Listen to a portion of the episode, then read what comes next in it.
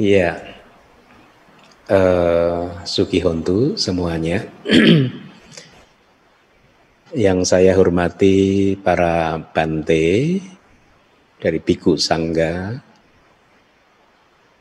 Seale, para upasaka dan upasika sekalian.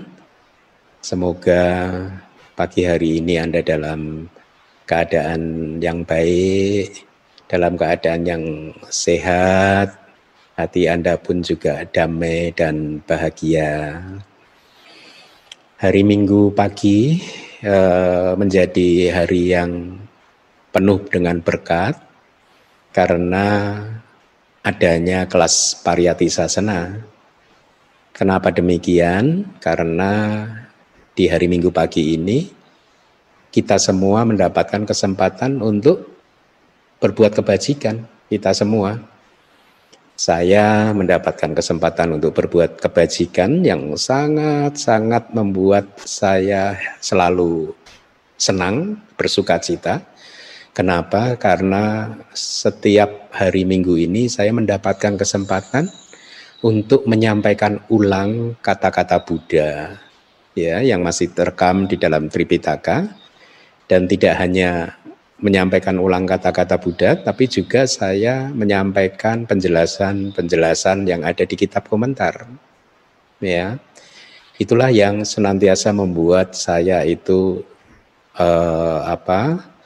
Selalu dengan sukacita eh, menerima ke, eh, kesempatan yang diberikan oleh DBS untuk membabarkan suta pada khususnya dari sisi Anda yang mendengarkan, Anda juga melakukan satu kebajikan yang sangat besar.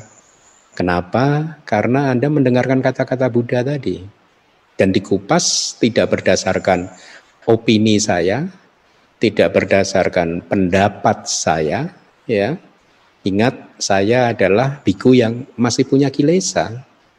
Sehingga pendapat-pendapat saya itu bisa jadi keliru.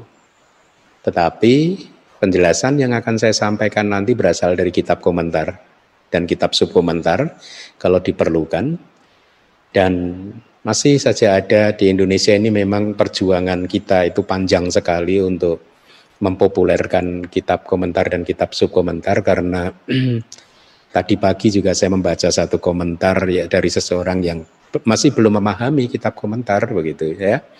Eh, Secara singkat saya sampaikan kitab komentar yang yang yang yang saat ini ada di muka bumi ini adalah kitab-kitab yang sudah diverifikasi.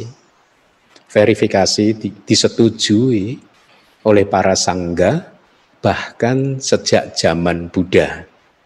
Bahkan sejak zaman Buddha.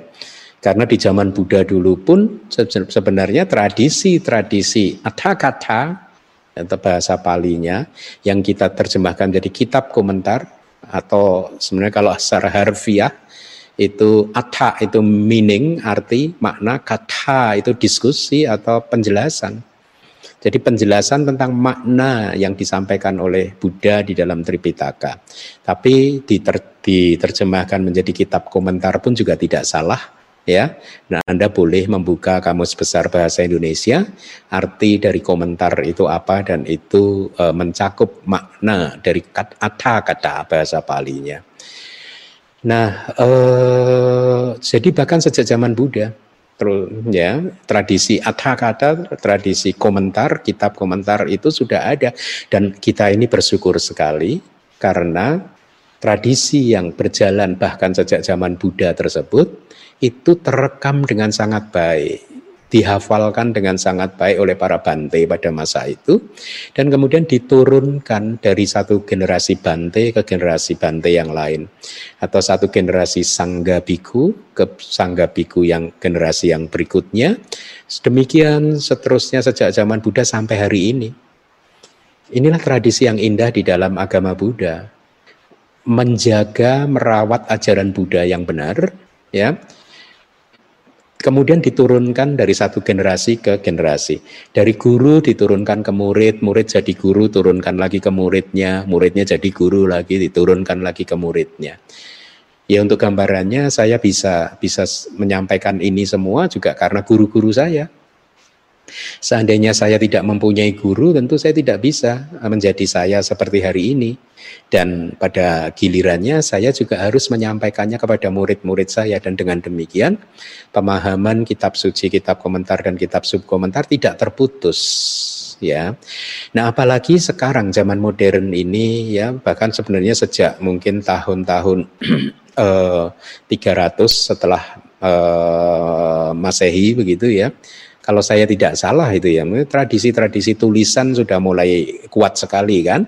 Sehingga eh, sampai hari ini tradisi tulisan ini kuat makanya kitab-kitab tersebut eh, sulit untuk hilang seharusnya karena terekam dalam buku dalam website dan lain sebagainya. Seperti yang sebentar lagi DBS akan uh, launching mungkin mudah-mudahan tahun ini bisa launching website Nisaya yaitu terjemahan kata per kata dari kitab suci Tipitaka, kitab komentar dan kitab uh, subkomentar ya. Jadi dengan tetapi walaupun demikian walaupun sudah terekam dengan sangat baik dalam bentuk tulisan seperti itu tetap saja membutuhkan seorang guru untuk memahaminya ya.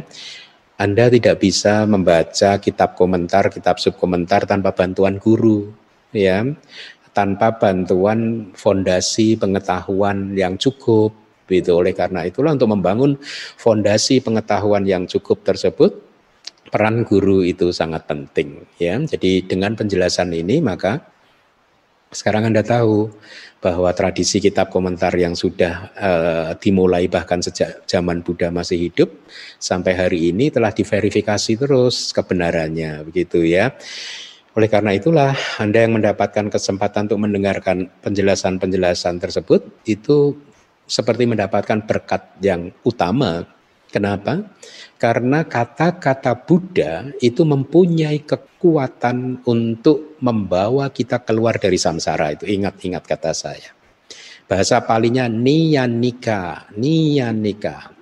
Jadi niyanika itu sesuatu yang bisa mengarah keluar dari samsara ini. Ya, mempunyai kekuatan untuk mengarah keluar dari samsara ini. Kata-katanya Bante Keminda nggak mempunyai kekuatan, bisa jadi tidak mempunyai kekuatan itu. Tetapi kata-kata Buddha adalah neanika, mempunyai, memiliki uh, kekuatan yang mengarah leading out of salvation, uh, apa, uh, samsara, gitu. Jadi oleh karena itulah uh, mendengarkan kata-kata Buddha di kelas Pariyati Sasana ini menjadi berkat yang sangat tinggi, berkat yang sangat utama. Baik, eh, pagi hari ini kita akan eh, membahas suta yang baru. Ya, sebenarnya suta ini dulu pernah saya bahas di kelas bahasa Pali, ya, kelas bahasa Pali. Tetapi saya waktu itu karena itu hanya kelas bahasa, jadi saya lebih menekankan pada cara atau mm, cara menerjemahkan suta tersebut dengan sedikit-sedikit saya berikan uh, penjelasan dari kitab komentarnya gitu. Uh, beberapa waktu yang lalu secara apa tiba-tiba saya teringat pada suta tersebut. Dan kemudian saya mencoba membaca uh, kitab komentarnya secara penuh dari suta tersebut dan ternyata ini menarik sekali gitu. Menarik sekali. Ya, oleh karena itu kemudian saya putuskan untuk uh, saya bawakan lagi dengan penjelasan yang lengkap dari kitab komentarnya begitu ya Suta yang akan kita bahas kali ini pagi hari ini uh, adalah loba suta, ya loba suta atau khotbah tentang loba. Loba itu ya loba bahasa Indonesia juga mengenal kata loba kan, atau uh, saya menerjemahkannya sebagai keserakahan gitu ya. Nah loba itu adalah salah satu dari tiga akar yang aku salah keserakahan itu salah satu dari tiga akar yang aku salah. Aku salah itu tidak baik. Seperti yang Anda sudah tahu, akar yang tidak baik ada tiga, yaitu loba, dosa, moha, keserakahan, kebencian, dan delusi. Ya, eh, di sisi yang lain secara kontras ada tiga akar yang kusala. Kusala itu yang baik, yaitu lawan dari tiga tadi, a loba tanpa keserakahan, a dosa tanpa kebencian, moha tanpa delusi. Jadi kita mengenal secara uh, spesifik enam jenis akar ini ya meskipun nanti uh, kalau di abidama ada ada tiga akar yang lain yaitu akar yang bekerja di harus kesadaran seorang arahat Buddha dan paceka Buddha yaitu akar yang yang yang yang apa uh, fungsional begitu. Nah, uh, itu tadi tiga akar yang aku salah tidak baik dan tiga akar yang baik kusala ya. Pertanyaan saya, apakah selama ini Anda sudah tahu apa itu aku salah, apa itu kusala? Ya. Seperti tadi pagi yang berkom apa yang umat salah satu umat yang uh, membutuhkan penjelasan begitu bertanya gitu, apa perlu sih sebenarnya kitab komentar gitu. Nah, ini sekalian saya memberikan sedikit jawaban yaitu berupa pertanyaan kembali gitu kepada Anda semua. Apakah Anda sudah tahu ya apa itu kusala dan apa itu aku salah? Apa itu ke fenomena mental yang baik ataupun fenomena mental yang tidak baik atau faktor-faktor mental. Hmm? Tanpa bantuan kitab komentar Anda tidak akan pernah bisa mengerti apa itu loba dosa moha, aloba dosa amoha. Kenapa? Karena di Sutta Pitaka sendiri memberikan definisinya itu uh, secara garis besar saja. Detilnya itu ada di kitab komentar. Ya, detilnya ada di kitab komentar gitu. Uh, secara singkat saya sampaikan, faktor mental atau cetasika yang tidak baik itu adalah faktor mental yang mempunyai tiga alasan. Biasanya didefinisikan dalam tiga, tiga, tiga definisi. Definisi yang pertama adalah secara moral, ini adalah faktor mental yang pantas dicela. Ini adalah faktor mental yang sangat tercela. Jadi keserakahan, kebencian, delusi itu sangat tercela secara moral gitu ya. Kemudian secara mental dia itu tidak sehat. Jadi artinya kalau arus batin kita memunculkan loba, dosa, moha, pada saat itu batin kita sedang dalam keadaan tidak sehat. Dan Anda kalau meditator Anda bisa mengerti, Anda bisa mengerti apa itu definisi tidak sehat bagaimana benar-benar membuat batin ini terguncang, kemudian juga bahkan fenomena-fenomena materi yang bersandar pada uh, proses kognitif ini pun juga menjadi terguncang dan di sana ada penderitaan. Ya. Itu yang kedua, secara mental itu tidak sehat, kemudian secara apa karma dia itu menghasilkan buah yang tidak menyenangkan, menghasilkan buah berupa penderitaan. Jadi itu tiga definisi yang aku salah. Di sisi lain tiga definisi untuk kusala fenomena mental yang baik ya kebalikannya. Secara moral itu adalah fenomena mental yang terpuji, secara mental dia itu sehat, kemudian secara karma dia menghasilkan perbuatan uh, buah yang baik berupa kebahagiaan. Nah ini Anda harus pahami supaya Anda nanti tidak keliru-keliru terus gitu menganggap bahwa oh uh, uh, keserakahan itu menghasilkan kebahagiaan kok. Tidak ada ceritanya. Keserakahan menghasilkan kebahagiaan. Nah buktinya ada Bante ketika saya serakah saya bahagia. Nah itu harus dianalisa. Anda sekarang saya beritahu. Ketika perasaan Anda sedang berada dalam keadaan sukacita, itu belum tentu itu adalah kusala loh. Ketika batin Anda itu berada dalam keadaan sukacita, belum tentu itu adalah karma baik. Kenapa? Karena loba, keserakahan bisa muncul dengan disertai oleh perasaan sukacita. Ya, Anda bisa menemukannya dengan mudah ya. Jadi sekarang Anda harus tahu perasaan sukacita atau mungkin perasaan bahasa sehari-harinya itu adalah uh, perasa, uh, rasa bahagia yang muncul di hati itu belum tentu baik. Bisa jadi itu muncul dari keserakahan. Dan saya beritahu lagi, ketika batin Anda menjadi damai seolah-olah dalam tanda kutip damai, tenang ya, atau yang dikenal dengan bahasa palinya adalah kata palinya adalah UPK gitu ya. Itu pun juga belum tentu baik. Hmm, bisa jadi itu adalah keserakahan juga. Ya. Jadi keserakahan atau loba bisa muncul dengan disertai oleh dua jenis perasaan itu tadi dia bisa muncul dengan perasaan sukacita, gembira, bahagia, ya. Mungkin Anda bisa tersenyum terbahak-bahak dan Anda berpikir wah saya hari ini bahagia, bahagia. Tapi itu ternyata loba, keserakahan. Atau Anda merasakan perasaan yang tidak sukacita, tidak juga duka cita, tidak menyenangkan, tidak pula tidak menyenangkan, netral-netral saja, damai biasa-biasa saja. UPK itu pun bisa jadi loba. Itu pun bisa jadi keserakahan. Ya, itulah mengapa ya eh, di dalam kitab komentar dari Damasanggani itu ada kalimat seperti ini ya. Eh, Abidamika biku yewa dhamma katika nama.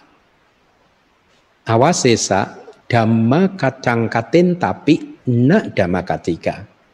Jadi artinya adalah ini mohon maaf ya, mohon maaf. Nanti akan saya jelaskan.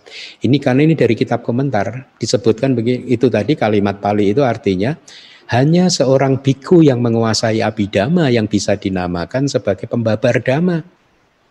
Awasesa, biku-biku sisanya yang tidak paham abidama, dhamma kadang katen tapi walaupun dia sedang membicarakan dhamma, nak dhamma katika, bukan pembabar dhamma. Kasema, kenapa? Itu uh, kitab komentar menjelaskan karena penjelasannya biku-biku yang tidak memahami abidama sering kali akan keliru menjelaskan karma itu apa, buah karma itu apa. Pasti tidak akan selengkap biku yang memahami abidama. Biku-biku yang tidak memahami dhamma akan kebingungan ketika harus menjelaskan loba itu seperti apa, pandangan salah itu seperti apa, kesombongan itu seperti apa, kebencian itu seperti apa, kecemburuan itu seperti apa, kekikiran itu seperti apa, penyesalan itu seperti apa, dan lain sebagainya, dan lain sebagainya. Ada 52 fenomena mental biku yang tidak memahami uh, uh, 52 faktor mental, jadi 52 cetasika. Biku yang tidak memahami rupa itu seperti apa, dia tidak akan bisa menjelaskan 28 jenis rupa. Ya, nah saya menyampaikan ini semua itu tadi dari kitab komentar tentu, ya saya mengerti pasti akan ada dua reaksi yang berbeda. Reaksi yang pertama adalah reaksi saya uh, seperti saya yang saya saya alami ketika saya di Myanmar di ITBMU, saya bereaksi bahwa ini kata-kata ini pasti mengandung makna. Tidak mungkin guru kata-kata mencantumkan kalimat ini tanpa maksud yang baik. Saya berpikir positif bahwa ini pasti ada maksud yang baik di belakangnya. Dan kemudian saya ikuti berarti saya harus mempelajari abidama. Dan ketika selesai kuliah saya baru sadar bahwa oh iya, abidama itu penting. Tetapi saya juga sadar ada reaksi yang kedua yaitu oh, reaksi yang defensif, reaksi yang menolak, nolak Buddha mengajarkan dhamma dengan berbagai cara ya. Di mana-mana ada dharma, tidak hanya yang ada di abidama, tapi itulah uh, dua macam reaksi.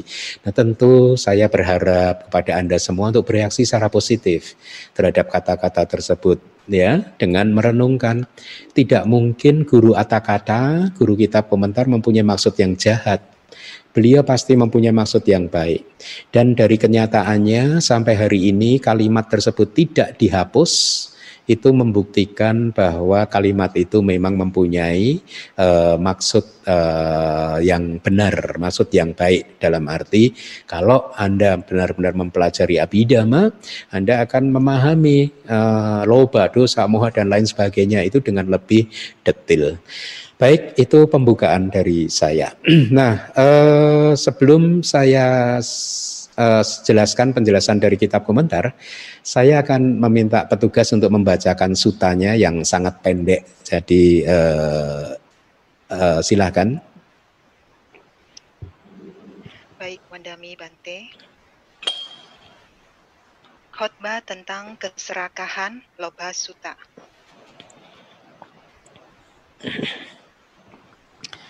Ini benar-benar telah dikatakan oleh begawan dikatakan oleh seorang arahanta.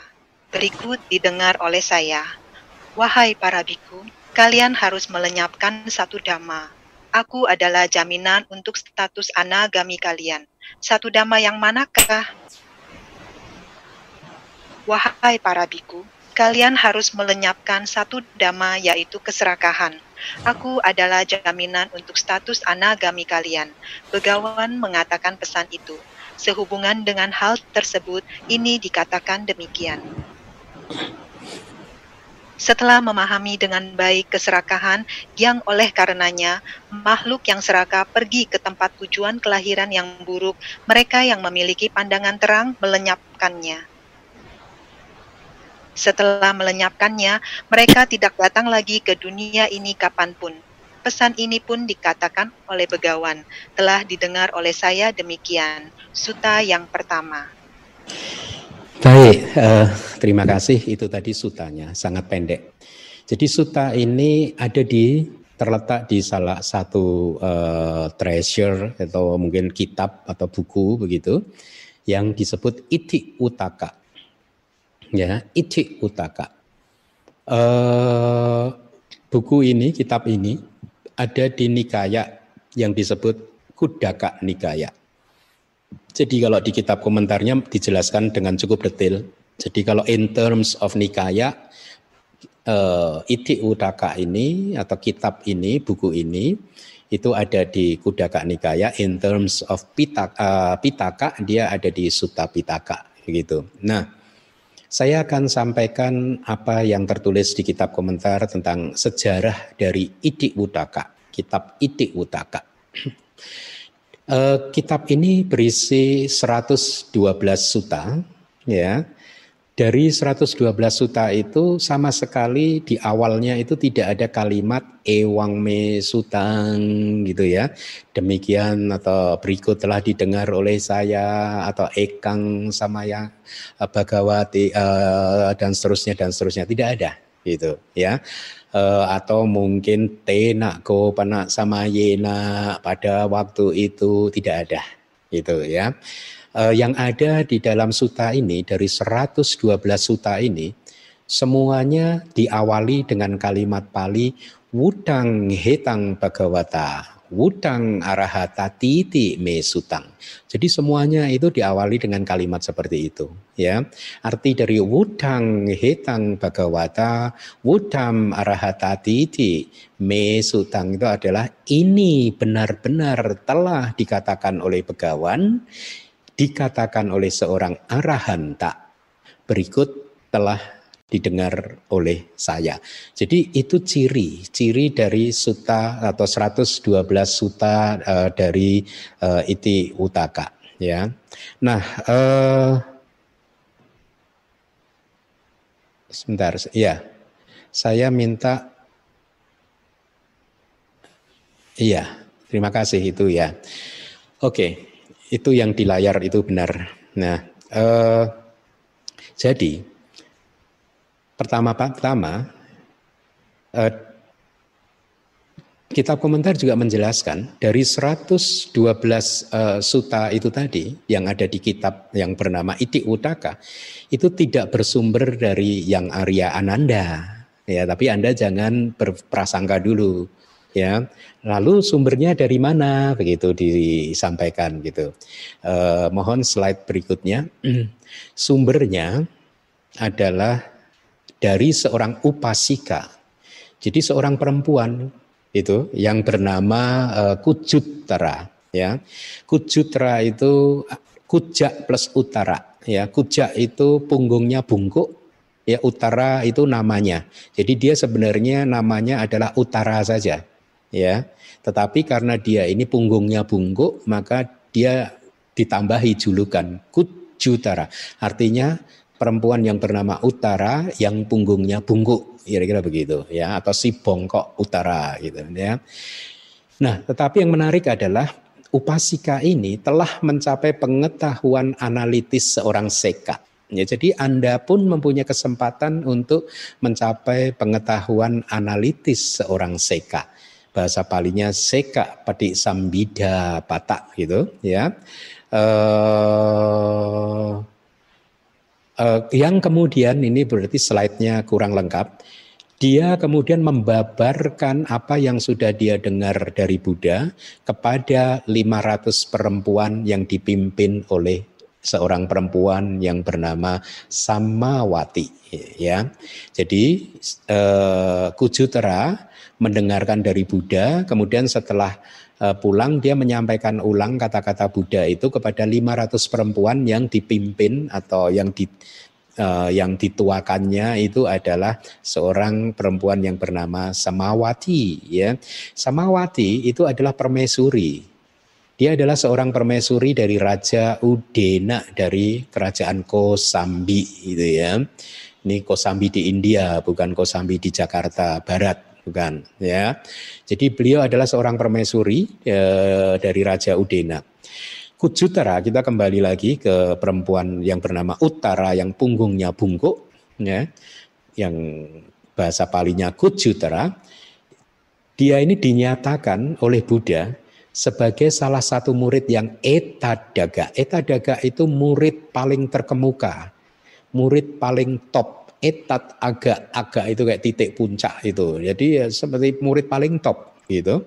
Tapi dalam bidang yang spesifik karena Buddha mempunyai banyak murid etadaga, murid-murid yang terkemuka dalam bidangnya masing-masing. Seperti misalkan yang Arya Sariputta itu adalah dalam hal kebijaksanaan, yang Arya Mahamogalana itu top dalam hal kesaktian abinya, yang Arya Ananda itu adalah top dalam hal memori atau ingatan. Nah, eh, Kujutra ya itu top atau terkemuka dalam hal bahu suta. Nah, ini menarik. Ya makanya bahu suta itu terdiri dari dua kata bahu plus suta. Bahu itu banyak, suta itu eh, didengar atau telah mendengar juga bisa. Berarti bahu suta itu artinya seseorang yang telah banyak mendengar. Artinya seseorang yang banyak ilmunya itu banyak pengetahuannya. Dalam konteks ini adalah banyak ilmu atau pengetahuan tentang ajaran Buddha ya jadi perhatikan, eh, Anda pun juga harus banyak ilmu tentang ajaran ini supaya kelahiran sebagai manusia ini tidak sia-sia gitu ya. Karena Bahusuta ini juga merupakan salah satu kekayaan dari Arya. Saya mohon disampaikan eh, slide yang berikutnya. Jadi seorang yang mulia itu mempunyai tujuh jenis kekayaan ya sata dana hmm. tujuh jenis kekayaan orang yang mulia. Orang yang mulia itu orang yang suci. Orang yang sudah mencapai maga dan pala either dia bisa saja dia seorang sotapana itu pun Arya. Sakadagami anagami atau arahat itu semua disebut sebagai orang Arya sesuai dengan tingkatannya masing-masing. Nah mereka itu common mempunyai kekayaan yang umum yang dimiliki oleh mereka semua. Ada tujuh yaitu sada terhadap tiratana, sila yang kokoh tidak akan dilanggarnya, caga, caga itu kemurahan hati, hiri itu rasa malu, ya otapa itu rasa takut untuk melakukan kejahatan. Lihat, suta. Suta itu telah mendengar, ya telah banyak mendengar begitu. Kemudian panya, panya itu adalah e, kebijaksanaan gitu.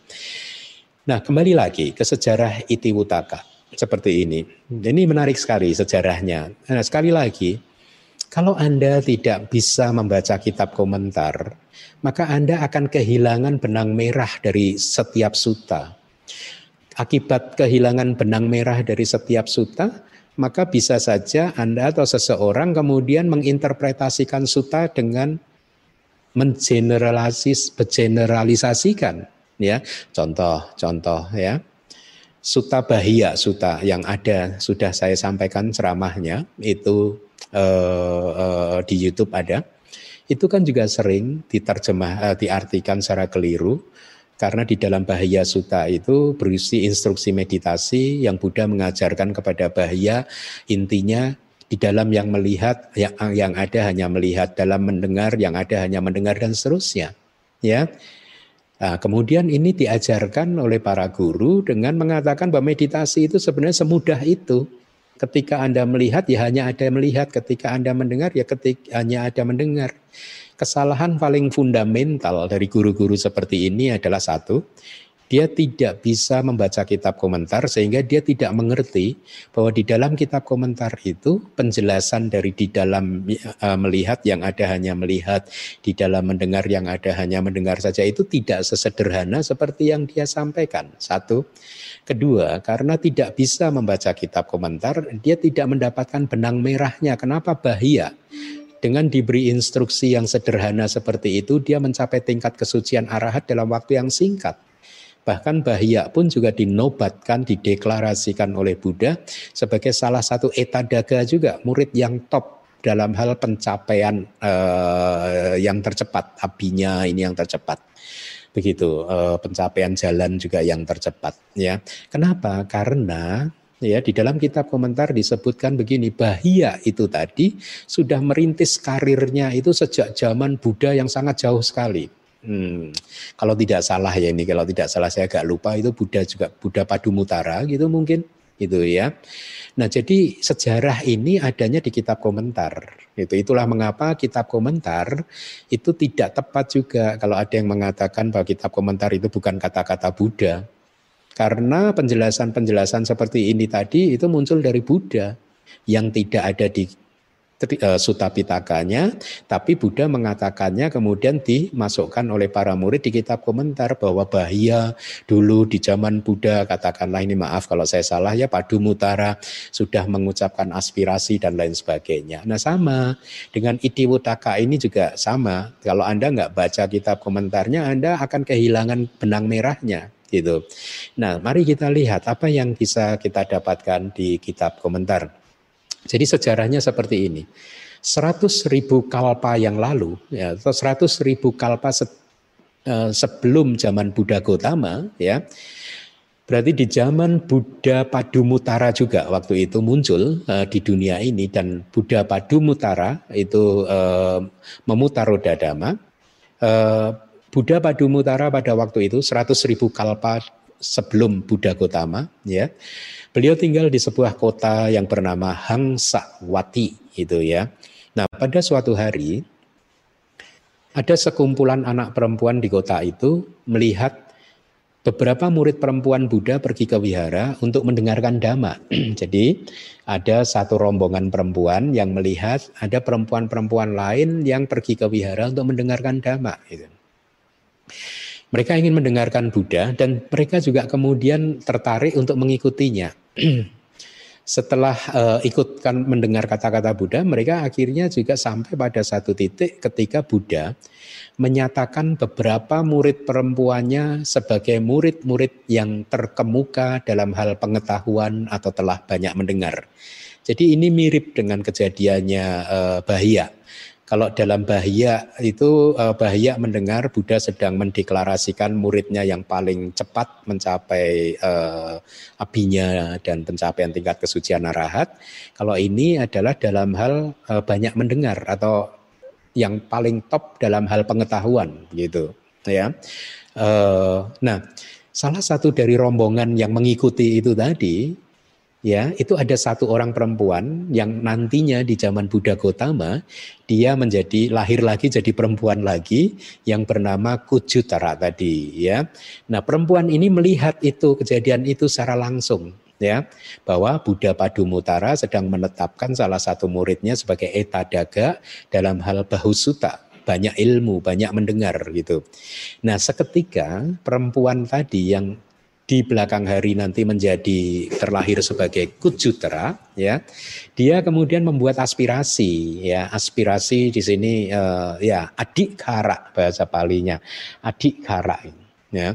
Nah ketika dia sudah membuat aspirasi kemudian Buddha Padumutara pun menyatakan di depan dideklar openly di depan sangga menyatakan bahwa di masa yang akan datang dia akan menjadi murid awam perempuan sawikanang upasikanang itu yang terkemuka di antara murid-murid perempuan Buddha yang lain ya e, mereka dia akan jadi murid yang paling top terkemuka di e, di antara mereka yang telah banyak mendengar atau di antara mereka yang banyak pengetahuan ya Jadi eh, logikanya seperti ini eh, di zaman Buddha dulu banyak biku ya eh, bikuni upasaka upasika yang banyak pengetahuannya gitu.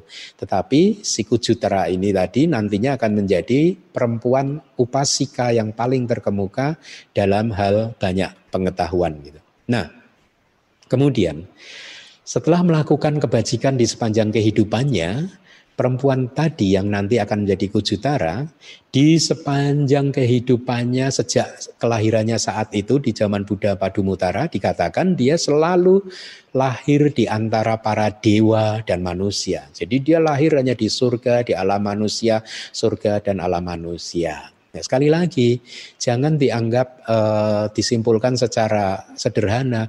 Oh mudah sekali ya hanya mengucapkan aspirasi, hanya ini tidak karena pasti sebelum itu pun ya perempuan tadi juga sudah banyak melakukan uh, kebajikan atau paraminya sudah mulai menuju ke kematangan gitu ya. Nah, jadi kemudian dia lahir di antara manusia dan dewa atau di alam manusia dan di alam surga selama seratus ribu kalpa. Itu lama sekali. Karena satu kalpa saja lama sekali, apalagi ini seratus ribu kalpa. Ya. Nah, kemudian singkat cerita di badak kapak. Badak kapak ini kalpa kita saat ini.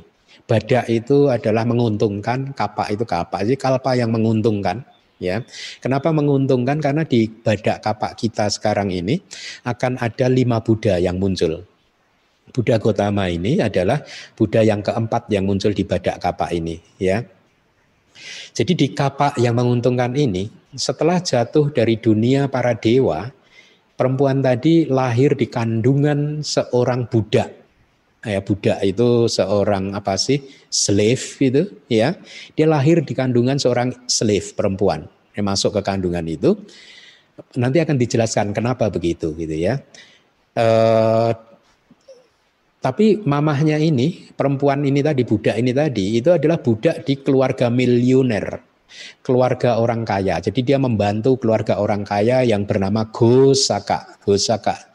Jadi ada dua versi di kitab di tradisi Myanmar mungkin ya. Itu bukan Gosaka tapi Gosita gitu. Ya. Nah singkat cerita, setelah dia lahir orang tuanya memberi nama dia Uttara ya.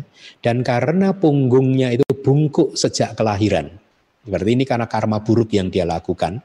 Jadi karma buruk yang dia lakukan di kehidupan lampau yang membuat dia bungkuk sejak kelahiran. Artinya apa?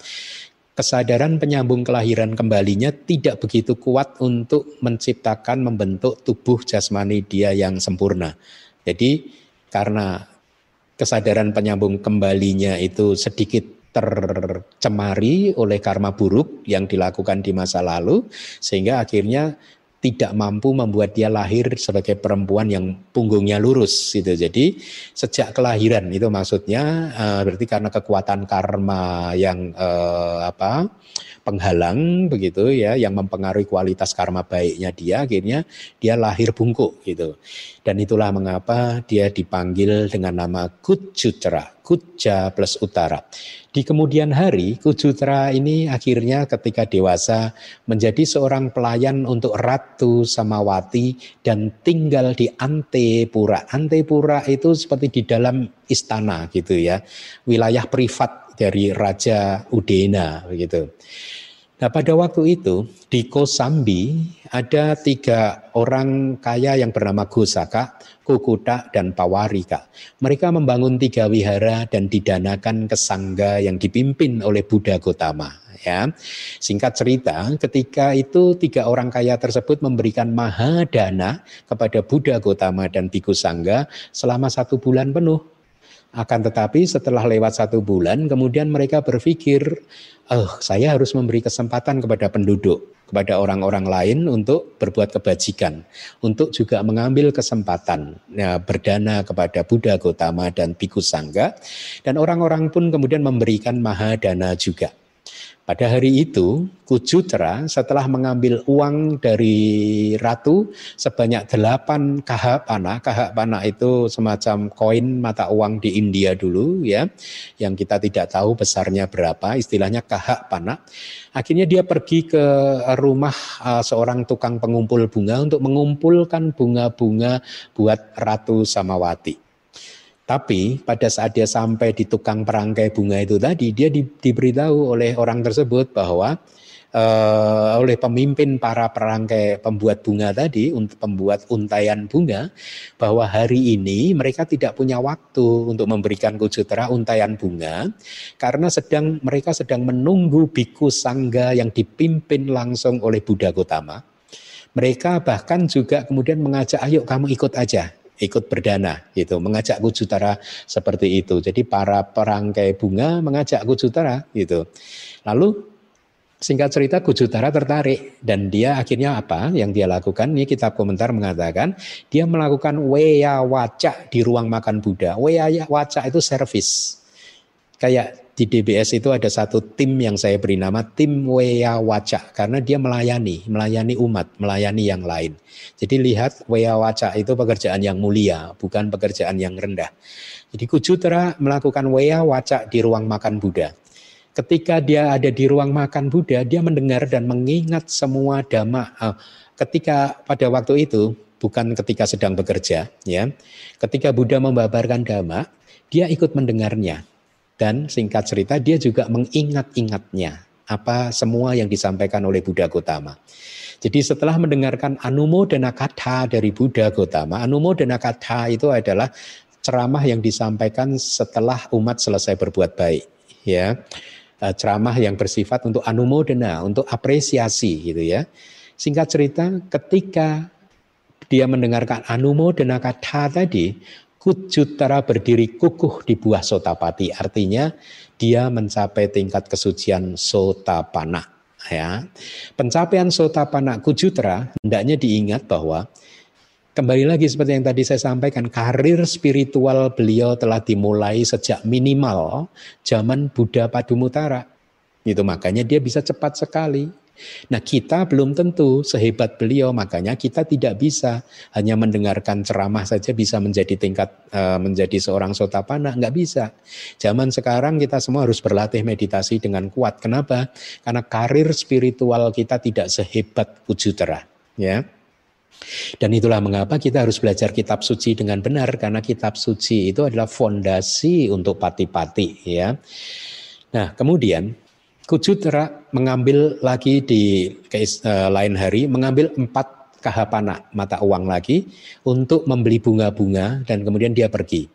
Akan tetapi di hari sebelumnya ketika dia memberikan 8 kahapana, dia tidak memunculkan pikiran, dia lupa pada waktu itu. Ingat, dia masih belum sotapana, jadi sangat dimungkinkan dia lalai, lupa bahwa bunga itu adalah propertinya Ratu Samawati. Itu ya dia lupa waktu itu. Kan harusnya dia membawa mengambil uang 8 kahapana itu adalah untuk membeli bunga buat Ratu Samawati kan. Tapi dia lupa karena dia ikut mendengarkan ceramah dhamma kan. Nah oleh karena itulah sekarang ketika dia ingat uh, dia sudah bisa melihat kebenaran demikian kata kitab komentar maka hari itu dia menghadap Ratu Samawati. Dan Ratu bertanya wahai utara uh, yang tersayang gitu. Di hari yang belum lama ini kamu tidak membawa banyak bunga gitu. Uh, di hari-hari yang lainnya begitu. Di hari-hari sebelumnya yang lainnya gitu, setiap harinya kamu tidak membawa bunga sebanyak ini. Kenapa hari ini kamu membawa banyak bunga gitu? Ada hal apakah eh, apakah raja sedang sangat gembira sehingga kamu pun juga ikut gembira. Kemudian Kujutara mengungkapkan semua hal yang sebenarnya dengan tanpa menyembunyikan apa pun. Dia mengatakan hal ini terjadi karena dia saat ini tidak akan pernah uh, sorry Uh, karena dia waktu uh, dia menjelaskan ini kan sudah menjadi seorang sotapana kan, berarti dia tidak bisa berbohong lagi kan, akhirnya dia tidak bisa menyembunyikan kesalahannya. Dan dia kemudian menyampaikan kesalahan yang dia lakukan ketika dia mau membeli bunga delapan kahapana tapi dia lupa untuk membeli dan memberikannya kepada uh, Ratu Samawati gitu.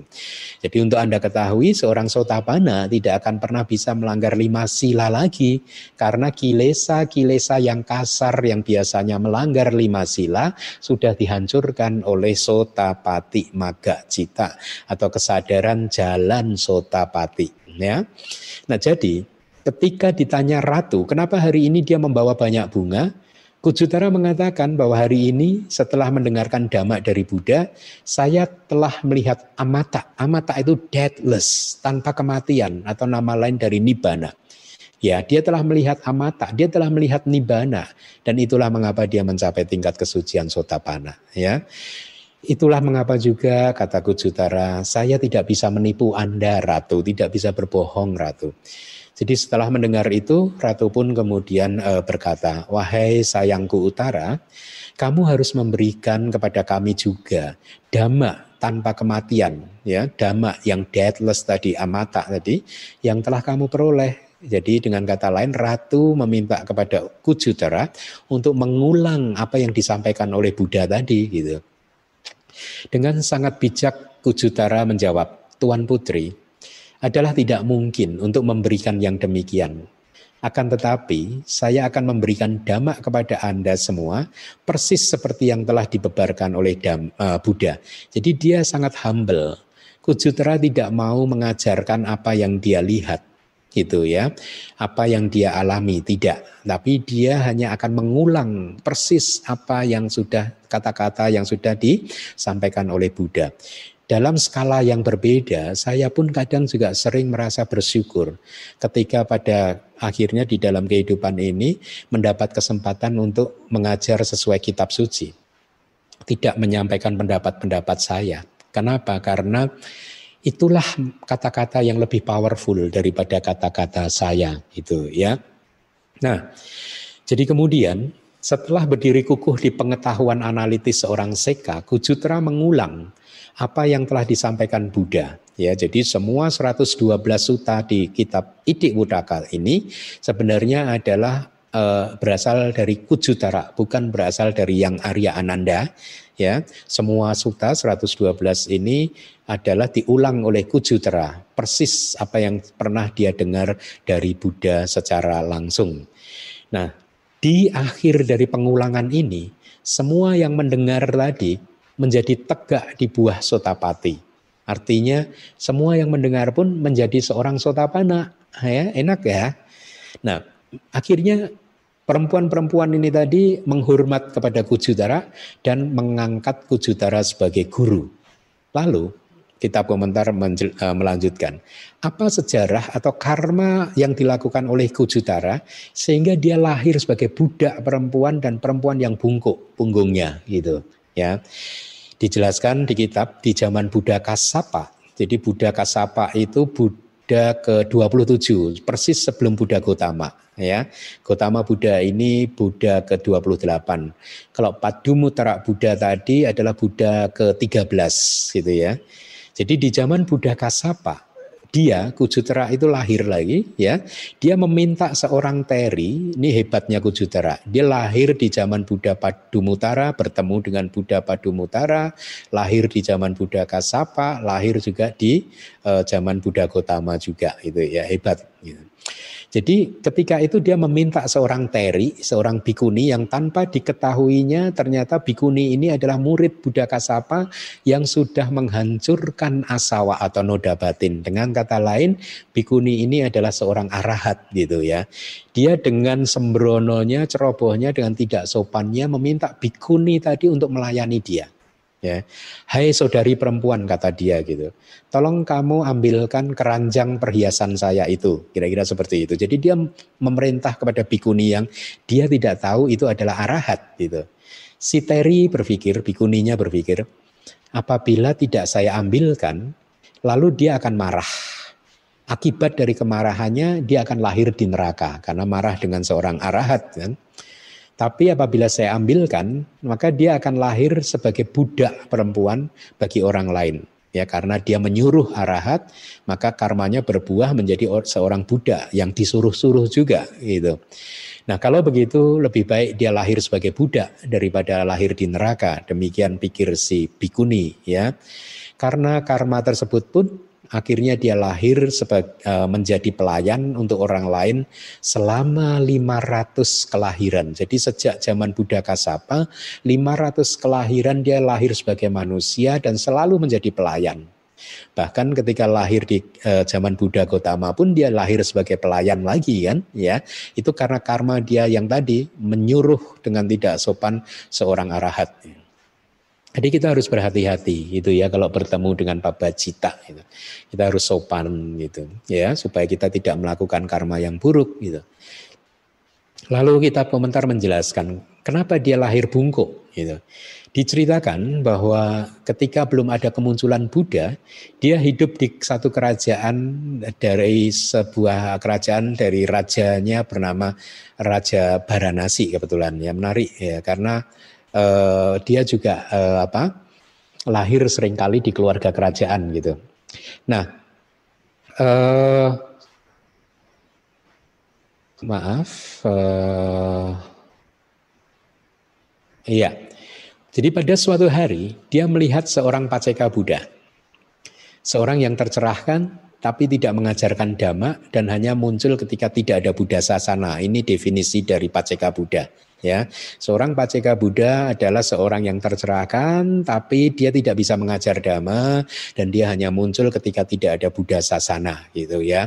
Mari kita lihat definisi dari paceka Buddha. Saya minta untuk ditampilkan di slide, gitu.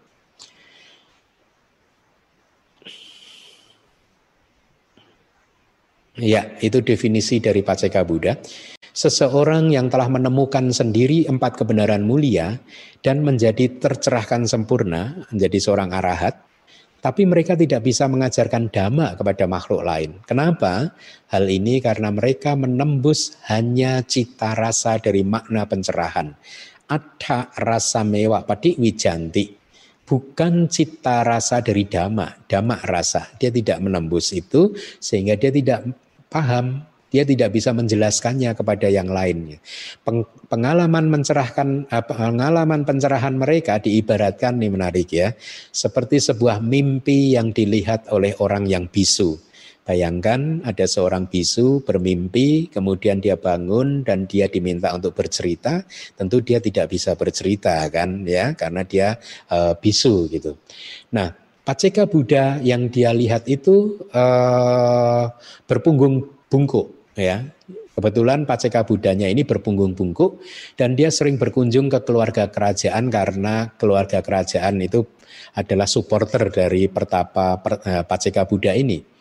Singkat cerita Kujutara mengejek Pacuka, Paceka Buddha tersebut di depan para perempuan yang hidup bersamanya dengan cara berjalan menirukan cara berjalannya seperti orang bungkuk. Ya, jadi kita harus hati-hati gitu. Jangan bercanda hanya untuk mengejek orang lain ya. Kalau di Jawa itu ada ungkapan sopo moyok mondok itu artinya siapa yang menghina maka hinaan itu akan berbalik pada dirinya sendiri. Nah, karena karma itu tadi maka Kujutara itu ketika lahir di zaman Buddha Gotama, dia lahir sebagai orang yang bungkuk gitu. Next slide, tolong ditampilkan. Ya. Ya, slide berikutnya tolong ditampilkan.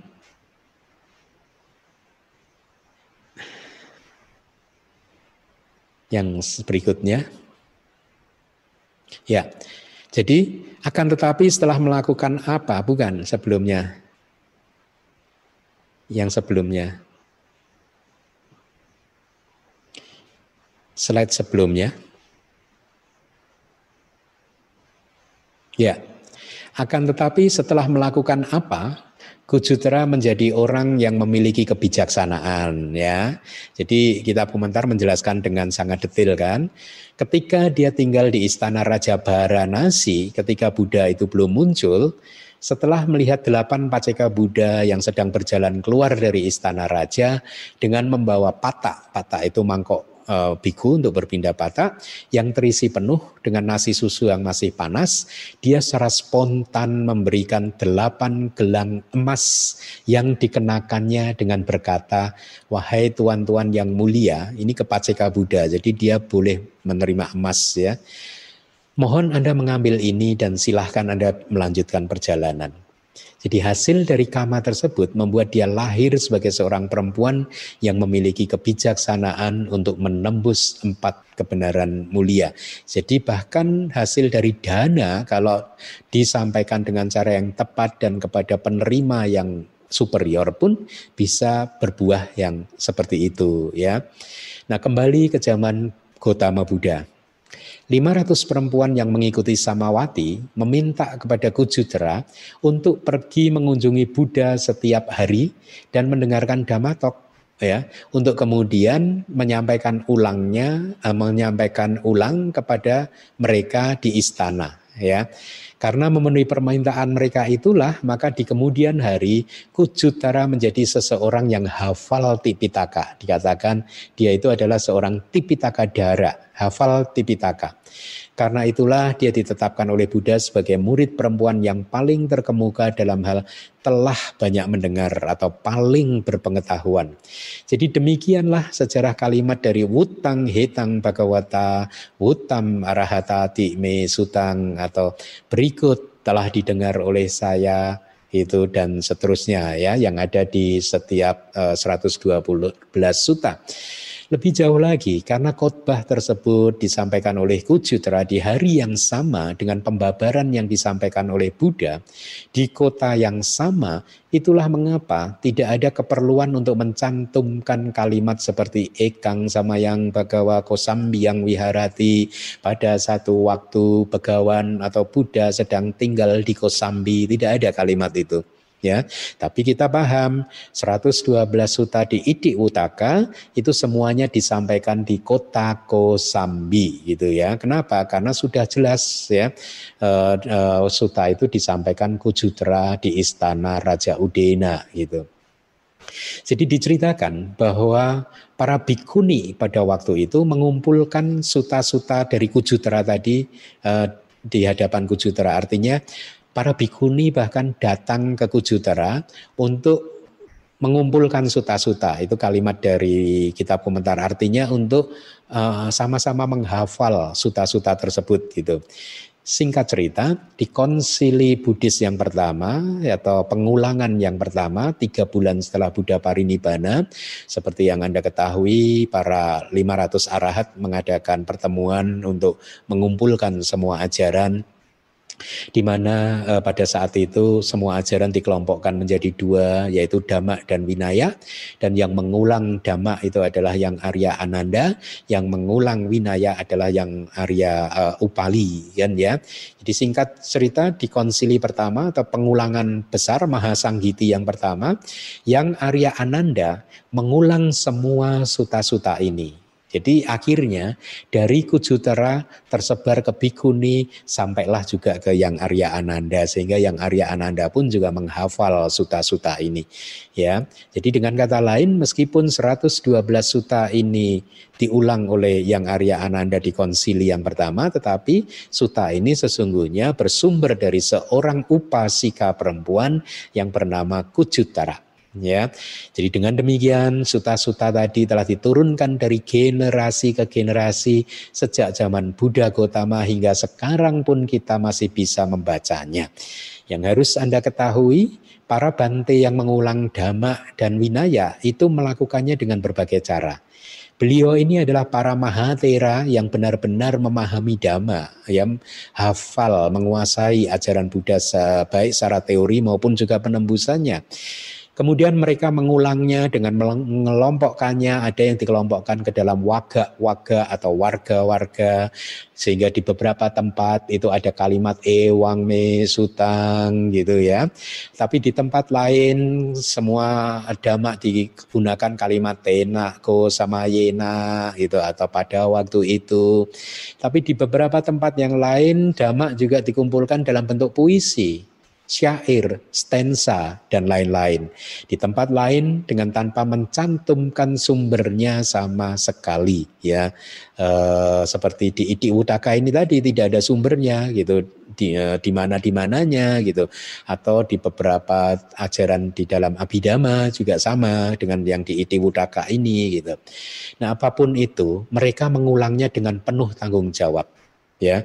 Nah, kalau di suta ini dipakai kalimat wutang hitang bagawata, wutang arahati mesutang atau ini benar-benar telah disampaikan oleh begawa. Begawan ini benar-benar uh, telah dikatakan oleh seorang arahat. Demikian saya telah mendengar gitu. Uh, maka kita harus mempercayainya gitu ya. Karena uh, apa? Uh, uh, itu disampaikan oleh arahat gitu. Nah, saya minta uh, ini uh, slide-nya ditampilkan lagi.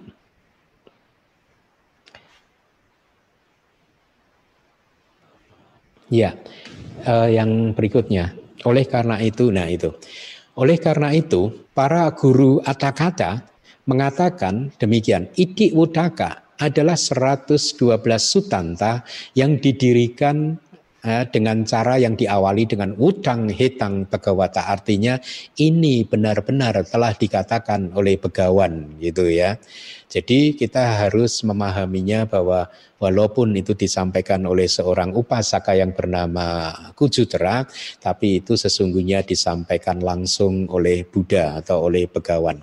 Jadi semua itu disampaikan di dalam kata-kata supaya kita semua ini yakin dan dengan demikian ajaran ini bisa bertahan lama. Kalau sudah tidak yakin, maka ajaran ini akan cepat hilang gitu ya. Itulah mengapa kadang saya berpikir kita itu harus hati-hati gitu ya. Jangan terlalu sembrono mengatakan abidama bukan ajaran Buddha gitu. Toh mereka yang mengatakan abidama bukan ajaran Buddha itu juga tidak tahu pasti itu ya. Hati-hati karena itu bisa jadi karma penghalang bagi mereka untuk bisa bertemu dengan ajaran. Sama juga berhati-hatilah untuk mengatakan kata itu adalah kitab konon. Berhati-hatilah ya karena itu bisa jadi eh, penghalang Anda nanti untuk bertemu dengan guru yang benar, penghalang Anda untuk bertemu dengan eh, ajaran yang benar. Dari faktanya mereka yang mengatakan ini, adalah kitab konon, faktanya saja hari ini mereka kan tidak bertemu dengan ajaran yang benar kan. Mereka juga tidak bertemu dengan guru yang benar. Jadi bisa jadi itu karena penghalang-penghalang yang seperti itu. Nah makanya kita harus bersikap yang uh, penuh dengan kebijaksanaan, jangan sampai menciptakan karma buruk yang akan menghalangi uh, pencapaian pencerahan kita, gitu ya. Nah, uh, uh, ya Bahkan saya pernah mengatakan kan mereka yang mengatakan abidama bukan ajaran Buddha itu seolah-olah tanpa mereka sadari itu seperti mempercepat ingin mempercepat proses kelenyapan ajaran Buddha. Kenapa? Karena ajaran Buddha ini Tripitaka kita ini nanti lenyap. Itu pertama yang harus lenyap itu abidama dulu. Itu penjelasan dari para guru. Abidama akan lenyap dulu. Jadi mereka yang mengkampanyekan abidama bukan ajaran Buddha itu dalam jalur sedang mengkampanyekan hilangnya Tripitaka gitu secara tidak langsung ya. Mungkin mereka tidak sadar itu gitu, tapi secara tidak langsung demikian gitu. Nah, eh, mohon slide berikutnya. Saya akan sampaikan sekarang definisi dari begawan gitu. Jadi, begawan adalah sebuah istilah untuk seorang guru. Itulah mengapa saya juga sering menerjemahkan begawan tidak sebagai begawan tapi sebagai guru agung Ya, jadi saya sangat tidak setuju kalau begawan itu diterjemahkan sebagai yang terberkahi. Emangnya yang memberkahi Buddha siapa gitu ya? Buddha jangan diterjemahkan sebagai yang terberkahi. Ter terjemahan begawan sebagai yang terberkahi itu karena tidak melihat kitab komentar dan kemudian hanya mengikuti terjemahan bahasa Inggris. Bahasa Inggris menerjemahkan Bagawa sebagai the blessed one seseorang yang terberkahi gitu. Akhirnya secara latah kita di Indonesia mengadopsi itu memakai begawan sebagai yang terberkahi. Saya rasa itu tidak bagus, terjemahan yang tidak bagus. Lebih baik kita memakai kata begawan karena kata begawan pun ternyata eksis di Kamus Besar Bahasa Indonesia atau kalau tidak mau begawan ya guru agung. Itu ya. Jadi Tathagata adalah seorang guru untuk makhluk hidup karena kualitasnya yang terkemuka berkenaan dengan semua jenis keutamaan. Itulah mereka mengapa beliau di, seharusnya dipahami sebagai begawan gitu. Begawan adalah sebuah istilah yang terbaik. Begawan adalah sebuah istilah yang utama. Guru yang berhubungan dengan rasa hormat adalah dia. Itulah mengapa dia disebut sebagai begawan. Itu definisi dari begawan, ya. Nah, eh, apa? Sebenarnya ada banyak definisi dari begawan, tapi saya rasa definisi yang saya bacakan tadi cukup mewakili gitu. Kemudian di Suta tadi dikatakan gitu yang berhubungan dengan rasa hormat artinya berhubungan dengan keadaan sebagai guru karena memiliki kualitas yang baik se sebagai seorang guru maka seorang guru adalah seorang yang pantas dihormati. Status sebagai guru itu mulia itu makanya guru harus berkarakter yang baik gitu. Bante itu adalah guru gitu. Bante itu adalah tuan yang mulia. Berarti dia benar-benar harus juga sebagai seorang bante dia juga harus berkarakter yang baik gitu ya. Atau beliau Buddha pantas untuk diberi uh, rasa hormat. Itu juga definisi untuk uh, pegawan. Sedangkan definisi untuk arahanta mohon ditampilkan untuk arahat Definisinya adalah oleh karena keadaannya yang jauh dari kotoran-kotoran batin itu Kemudian oleh karena telah dihancurkannya musuh-musuhnya, yaitu kotoran batin tanpa sisa, maka dia disebut sebagai arahanta. Oleh karena telah dihancurkannya ruji-ruji roda samsara, ruji itu jari-jari dalam roda itu, maka dia disebut sebagai seorang arahanta. Alasan yang lain adalah oleh karena keadaannya yang layak untuk mendapatkan kebutuhan-kebutuhan pokok oleh karena tiadanya kerahasiaan dari dia berkenaan dengan perbuatan yang jahat. Nah, mari kita lanjutkan. Di suta tadi ada kalimat ini benar-benar telah dikatakan oleh begawan, dikatakan oleh seorang arahanta. Kata dikatakan, diucapkan dua kali di sini untuk menunjukkan bahwa yang akan disampaikan di suta ini adalah pasti dari Buddha. Bukan lagi anusawa kata kitab komentar. Anusawa itu desas-desus gitu konon gitu katanya. Bukan. Ini benar-benar dari Buddha. Jadi poin ini persis sama dengan kalimat yang Arya Ananda ketika beliau mengucapkan Ewang Me Sutang gitu. Kenapa? Karena ini berkaitan dengan informasi yang kejujuran bahwa ini bukan dari saya, ini dari Buddha, ini dari seorang arahat. Jadi berkaitan dengan kejujuran yang Arya Ananda, kejujuran Kujutara, integritas mereka berdua dengan mengatakan ini bukan dari saya. Dari fakta ya saya ingin sampaikan kenapa kejujuran itu penting. Ya, Anda tahu tidak? Sejak menjadi, ingin menjadi Buddha, ketik sejak zaman uh, Pertapa Sumeda sampai uh, di uh, kelahiran sebagai Pangeran Siddhartha, di sepanjang karir untuk meniti karir bodhisatta tersebut, dari lima sila ada satu sila yang tidak pernah dilanggar oleh bodhisatta. Anda tahu nggak sila apa?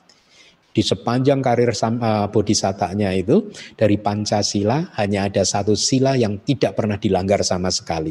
Ya, sila tersebut adalah sila yang keempat. Ya, kita bisa kemudian menarik kes, uh, uh, konklusi kesimpulan bahwa kejujuran itu penting. Ya, itulah mengapa kepada guru dhamma saya selalu mendorong untuk jujur. Jujur itu ya menyampaikan kita mengambil teladan dari yang Arya Ananda bahwa ini bukan dari saya, ini saya mengajarkan ini dengan referensi ini. Referensi harus disampaikan, itu ya. Tidak hanya ref, penyampaian referensi itu berkaitan dengan kejujuran, tapi penyampaian referensi misalkan saya membabarkan dhamma ini diambil dari bukunya Biku Bodhi misalkan. Dengan demikian tidak hanya ini menyangkut integritas dan kejujuran, tetapi juga menyangkut cinta kasih, belas kasih kita kepada murid-murid kita. Kenapa? Karena dengan mencantumkan sumbernya, maka murid-murid yang mungkin ingin menelusuri lebih lanjut, dia bisa mencari bukunya dan kemudian bisa eksplor sendiri gitu ya demi perkembangan dia gitu. Ya, it, uh, kita lanjutkan. Kitab komentar juga memberikan uh, empat alasan penyampaian suta. Ya, jadi Buddha itu menyampaikan suta dengan empat alasan. Yang pertama adalah karena kecenderungan dirinya sendiri, beliau sendiri ya, kecenderungan orang lain yang kedua, yang ketiga disebabkan oleh adanya pertanyaan, yang keempat adalah bersumber karena dari kejadian tertentu, karena ada satu kejadian gitu. Bersumber dari keinginan Buddha sendiri, kitab komentar menjelaskan itu misalkan akang kea suta, tuwaka suta, dan lain sebagainya. Kalau cender, e, bersumber dari kecenderungan orang lain, suta-suta ini disampaikan sebagai hasil dari Buddha melihat kecenderungan orang-orang lain, apakah orang ini sudah matang indria-indrianya, ataukah sudah siap untuk mencapai pencerahan dan lain-lain.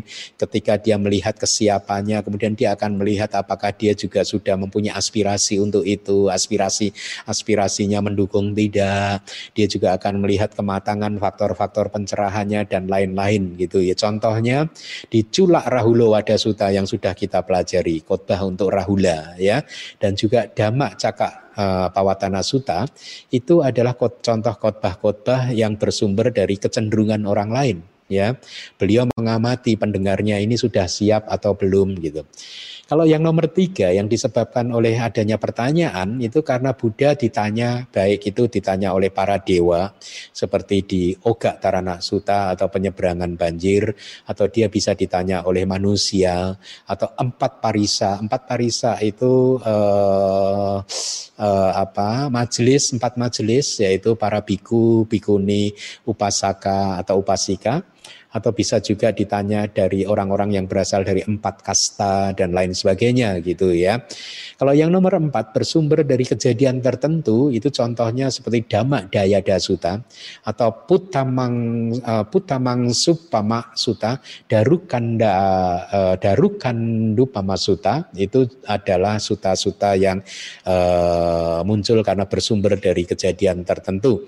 Nah, kitab komentar menjelaskan dari empat alasan penyampaian suta suta tadi, loba suta ini adalah suta yang disampaikan karena adanya kecenderungan orang lain gitu. Kecenderungannya siapa? Next slide. Kecenderungan individu-individu yang tidak melihat adanya bahaya di dalam keserakahan. Gitu ya. Jadi karena kecenderungan individu yang tidak tahu ada bahaya di dalam keserakahan. Nah, saya ingin uh, tanya kepada para upasaka upasika sekalian sekarang. Apakah Anda para upasaka upasika, para umat ya, sudah melihat bahaya dari keserakahan ya? Apakah Anda juga sudah tahu keserakahan itu sebenarnya seperti apa sih? Gitu.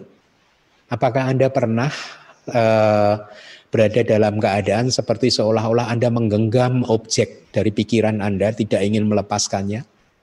Itu kalau dilepaskannya Anda jengkel ya eh, ketika lepas pikiran tersebut kemudian tiba-tiba Anda ingin mengingatnya kembali ya apakah Anda pernah berada dalam satu keadaan yang seolah-olah pikiran Anda itu menempel terus pada objeknya ya?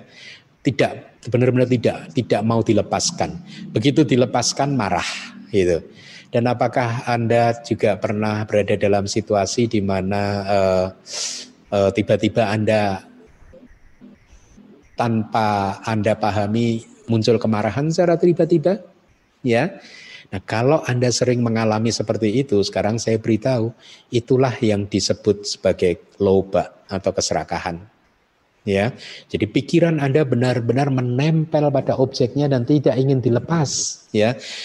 Kemarahan ketika Anda marah, kemarahan itu selalu muncul sebagai akibat karena adanya loba. Karena ada keserakahan terhadap hal-hal tertentu yang kemudian hilang dari Anda, lepas dari Anda. Dan karena Anda tidak menerapkan yoniso manasikara atau perhatian yang bijaksana, yaitu perhatian yang memahami bahwa segala sesuatu itu anicca, duga, dan anatta, maka kemarahan muncul. Gitu. Nah, sekarang saya tanya lagi, apakah Anda juga tahu penyebab terdekat dari kemunculan keserakahan itu apa? Ya jadi semua dhamma itu kan muncul dalam hubungan sebab dan akibat kan. Apakah Anda tahu sebab dari keserakahan itu apa? sebab kemunculan keserakahan. Kenapa keserakahan itu bisa muncul? Ya, Pernahkah Anda melihat adanya kenikmatan pada hal-hal tertentu, pada objek mata Anda, ketika Anda melihat mobil Anda, ketika Anda melihat rumah Anda, dan lain sebagainya, atau ketika Anda mendengar musik-musik tertentu yang Anda sukai, ya? Kenikmatan-kenikmatan itulah, objek-objek yang menyenangkan itulah yang menjadi penyebab munculnya keserakahan. Loh Bante, lalu berarti dengan demikian kita tidak boleh melihat objek-objek yang menyenangkan seperti itu boleh. Tetapi kita harus menerapkan yoniso manasikara, perhatian yang bijaksana. Perhatian yang bijaksana itu bagaimana tuh Bante? Perhatian yang bijaksana itu adalah perhatian yang terus-menerus memahami bahwa objek yang kita lihat, kita dengar dan lain sebagainya adalah anicca, duga dan anatta. Kemudian perasaan sukacita kita juga anicca, duga dukkha dan anatta. Pengetahuan kita yang memahami objek tersebut juga anicca, dukkha dan anatta. Keadaan yang sedang Anda alami itu juga anicca, dukkha dan anatta. Itulah yuniso manasikara. Nah, efeknya apa Bante kalau saya bisa menerapkan yuniso manasikara di dalam setiap melihat, mendengar, mencium bau, merasakan rasa dengan lidah, menyentuh eh, dengan kulit dan berpikir, memikirkan objek-objek mental. Manfaatnya apa? Kalau Anda menerapkan yuniso manasikara, maka kilesa tidak muncul. Coba Anda praktekkan. Ya, kilesa tidak muncul, kemarahan tidak akan muncul. Katakanlah ketika mobil Anda e, diserempet orang, mobil kesayangan Anda, maka kemarahan tidak akan muncul karena Anda segera menyadari anicca, duka dan anatta gitu. Atau ketika uang Anda hilang gara-gara salah manajemen mungkin dari anak buah Anda gitu, Anda tidak akan sempat memunculkan kemarahan dan kebencian karena Anda paham ini adalah anicca, duka dan anatta. Itulah yuniso manasikara gitu. Saya ingin bertanya lagi, pernahkah Anda mendambakan, merindukan objek-objek tertentu ya? Ketika mau tidur Anda benar-benar mendambakan, menginginkan objek-objek tersebut, keesokan harinya Anda memikirkannya lagi ya dan Anda benar-benar menempel padanya. Nah, itulah juga loba atau keserakahan gitu. Atau yang lebih ini lagi, pernahkah Anda punya pikiran untuk hidup selamanya, tidak mau mati? Itulah loba ya Pernah Anda tidak ingin mati? Itu juga efek dari loba, gitu ya. Pernahkah Anda tergila-gila pada sesuatu, pada bisnis Anda, pada kekayaan Anda, pada keluarga Anda dan sehingga memunculkan sikap ini semua tidak boleh diganggu oleh orang lain? Itulah loba, gitu ya. Nah, di Abhidhamma disampaikan apa yang disebut untuk menggambarkan loba tadi, keserakahan, disampaikan perumpamaan plester monyet atau makata lepa. Jadi di zaman dahulu para pemburu monyet itu kalau mau menangkap monyet, dia akan mengolesi buah-buah kesukaan monyet dengan perekat yang berasal dari tumbuhan uh, tumbuh-tumbuhan yang alami yang diberi warna-warna yang menarik perhatian si monyet untuk daya tarik saja gitu. Pemburu kemudian meletakkannya di tempat yang sering dikunjungi oleh monyet gitu. Dan akhirnya monyet melihatnya, timbul keinginan untuk menikmati buah tadi tanpa ini secara refleks tangan kanan dia ingin mengambil buah tadi. Tapi karena buahnya tadi itu sudah diolesi oleh perekat yang sangat kuat, akhirnya tangan kanannya menempel pada buah. Karena keserakahannya, dia masih berpikir ingin mengambil buah tersebut, dia gunakan tangan kirinya, menempel lagi. Kembali lagi tanpa keserakahannya, tangan kaki kanannya yang digunakan untuk e, mengambil buah, menempel lagi. Kemudian kaki kiri menempel lagi dan karena saking serakahnya dia ingin merasakan buah tadi, dia menjulurkan lidahnya berpikir untuk mencicipi buahnya tadi. Singkat cerita, lidahnya pun juga uh, lengket ke buah tersebut. Jadi ada lima dari anggota tubuhnya lengket ke buah tersebut. Tidak lama kemudian pemburu akan datang dan menangkap monyet tersebut. Uh, dan setelah ditangkap monyet tersebut pun menderita karena bisa jadi dia dibunuh untuk disantap dan lain sebagainya gitu. Nah, lima anggota tubuh monyet yang melekat pada buah tadi itu adalah perumpamaan untuk panca indera kita yang melekat pada objek-objeknya. Itulah keserakahan. loba, keserakahan, seolah-olah uh, adalah seperti orang yang selalu mempromosikan kepada kita. Keserakahan kita itu selalu mempromosikan kepada kita bahwa kita harus mendapatkan objek-objek panca indera tersebut. Karena ketiganya ketika kita bisa mendapatkannya, kita akan bahagia selama-lamanya. Tapi Anda sudah cukup hidup di dunia ini saat ini dan banyak pengalaman yang sudah sering Anda alami dan Anda bisa membenarkan bagaimana loba atau keserakahan itu selalu mempromosikan, mendorong Anda untuk mendapatkan objek-objek panca indera dengan janji-janji manisnya bahwa Anda akan bahagia selama-lamanya. Coba ingat kejadian di dalam kehidupan Anda setelah Anda mendapatkan apa yang Anda inginkan, yang Anda pikir tadinya Anda bisa bahagia selama-lamanya, apakah keinginan Anda itu terpenuhi? Apakah Anda benar-benar bahagia selama-lamanya? Tidak, bukan? Kebahagiaan tersebut tidak selama-lamanya. Nah, dengan memahami hal-hal seperti ini, memperkuat persepsi-persepsi tentang ketidakkekalan, maka Anda akan bisa membebaskan diri Anda secara perlahan-lahan dari cengkeraman keserakahan, dari cengkeraman eh, apa? Loba gitu ya. Dan Anda harus belajar dari pengalaman Anda. Tidak ada yang namanya bahagia yang selama-lamanya gitu. Meskipun Anda mendapatkan impian-impian Anda, kebahagiaan itu hanya bertahan sesaat. Dan kalau Anda tidak hati-hati, kebahagiaan itu akan diikuti oleh kemarahan ya. Nah, eh, ya saya sudah banyak berceramah tentang hal itu. Salah satunya adalah ceramah saya yang berjudul Empat Butir Durian yang bisa Anda dengarkan. Nah, sedikit lagi keserakahan itu muncul uh, uh, ketika keserakahan itu muncul maka cetana ada cetana. Karena keserakahan tidak pernah muncul tanpa disertai atau berbarengan dengan cetana. Cetana itu kehendak atau karma ya. Jadi kalau keserakahan itu muncul cetananya juga aku salah. Berarti dia adalah karma yang buruk ya. Oleh karena itu hati-hati setiap keserakahan yang muncul itu adalah karma buruk. Karma buruk ini kalau berbuah dia hanya akan menghasilkan agregat di empat alam yang rendah. Bisa di alam neraka, alam peta, alam asura, alam binatang. Dan Anda harus ingat, Buddha sering mengatakan di berbagai tempat, kenikmatan indriawi hanya memberikan sedikit kepuasan. Tetapi dia memberikan banyak penderitaan. Banyak penderitaannya apa? Ya Buddha menjelaskan kalau dalam sisi puncaknya banyak penderitaannya adalah ketika Anda mengejar kenikmatan indriawi dengan keserakahan, berarti itu karma buruk dan kalau karma buruk itu berbuah menghasilkan kelahiran kembali, maka dia hanya akan menghasilkan kelahiran kembali di empat apa ya empat alam yang tanpa kebahagiaan dan sekali seseorang itu lahir di empat apa ya akan sulit untuk bisa keluar dari alam sana ya.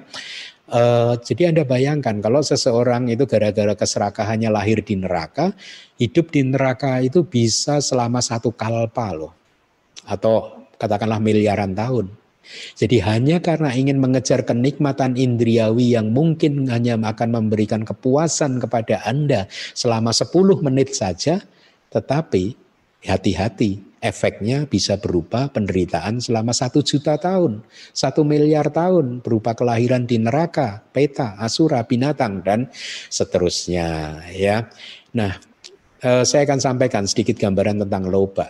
Abhidhamma menggambarkan demikian, keserakahan itu eh, membuat batin kita itu melekat kepada objeknya seperti eh, diberi perumpamaan begini daging yang dilemparkan ke dalam penggorengan yang panas yang enggak ada minyaknya itu yang eh, penggorengannya juga bukan teflon jadi daging ada penggorengan panas tanpa minyak, daging dilempar maka akan lengket. Nah kira-kira ciri dari keserakahan itu uh, seperti itu. Nah selanjutnya Apabila keserakahan ini tidak kita kendalikan, ya, maka dia akan menjadi sungai nafsu kehausan yang akan menghanyutkan makhluk, menghanyutkan kita semua yang sering memunculkan keserakahan ke alam yang rendah seperti arus sungai yang menghanyutkan benda apa pun ke samudra raya. Jadi itu tadi adalah ciri-ciri dari keserakahan, ya. E, karena waktunya juga maka kelas yang pertama ini saya cukupkan sampai di sini ya. Berarti minggu depan masih ada kelas yang eh, kedua, yang mudah-mudahan adalah kelas yang terakhir. Dan setelah Loba Suta ini saya berencana untuk menyampaikan khotbah tentang kemarahan, kebencian, dan lain sebagainya. Baik, jadi kelas pagi hari ini kita cukupkan sampai di sini. Semoga apa yang sudah saya sampaikan bermanfaat buat Anda untuk memahami keserakahan dan semoga kebajikan yang sudah Anda kumpulkan sejak awal hingga detik ini bisa menjadi satu kondisi penopang yang sangat kuat untuk pencapaian maga, palak, dan nibana Anda. Terima kasih.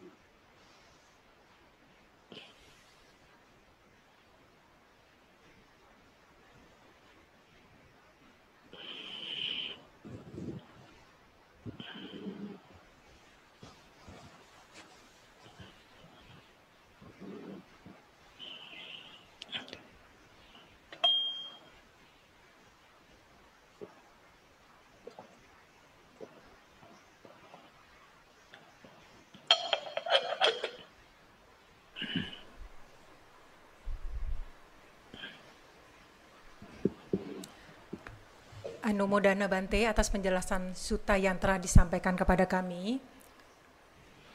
Selanjutnya kita akan memasuki sesi tanya jawab. Untuk itu kami akan bacakan tata tertib sesi tanya jawab ini. Saat sesi tanya jawab, bagi yang ingin bertanya silakan klik tanda raise hand di mana fitur ini ada di bagian partisipan bila yang menggunakan komputer dan ada di titik tiga bagi yang menggunakan handphone kami yang akan menentukan siapa yang mendapatkan giliran untuk bertanya. Pertanyaan diharapkan sesuai dengan topik ceramah. Bagi yang diperbolehkan bertanya, akan di-unmute oleh host, jadi kalian minta tidak perlu melakukan apa pun. Memperkenalkan diri dengan menyebutkan nama dan kota atau negara tempat domisili. Dikarenakan adanya keterbatasan waktu, maka tidak semua penanya akan mendapatkan giliran. Mohon maklum. Agar memberikan kesempatan kepada semua kalian minta yang ingin bertanya, kami mohon agar masing-masing penanya hanya mengajukan satu pertanyaan dulu.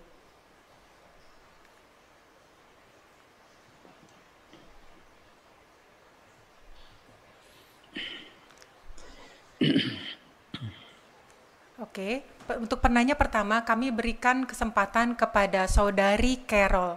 Kepada saudari Carol kami persilakan.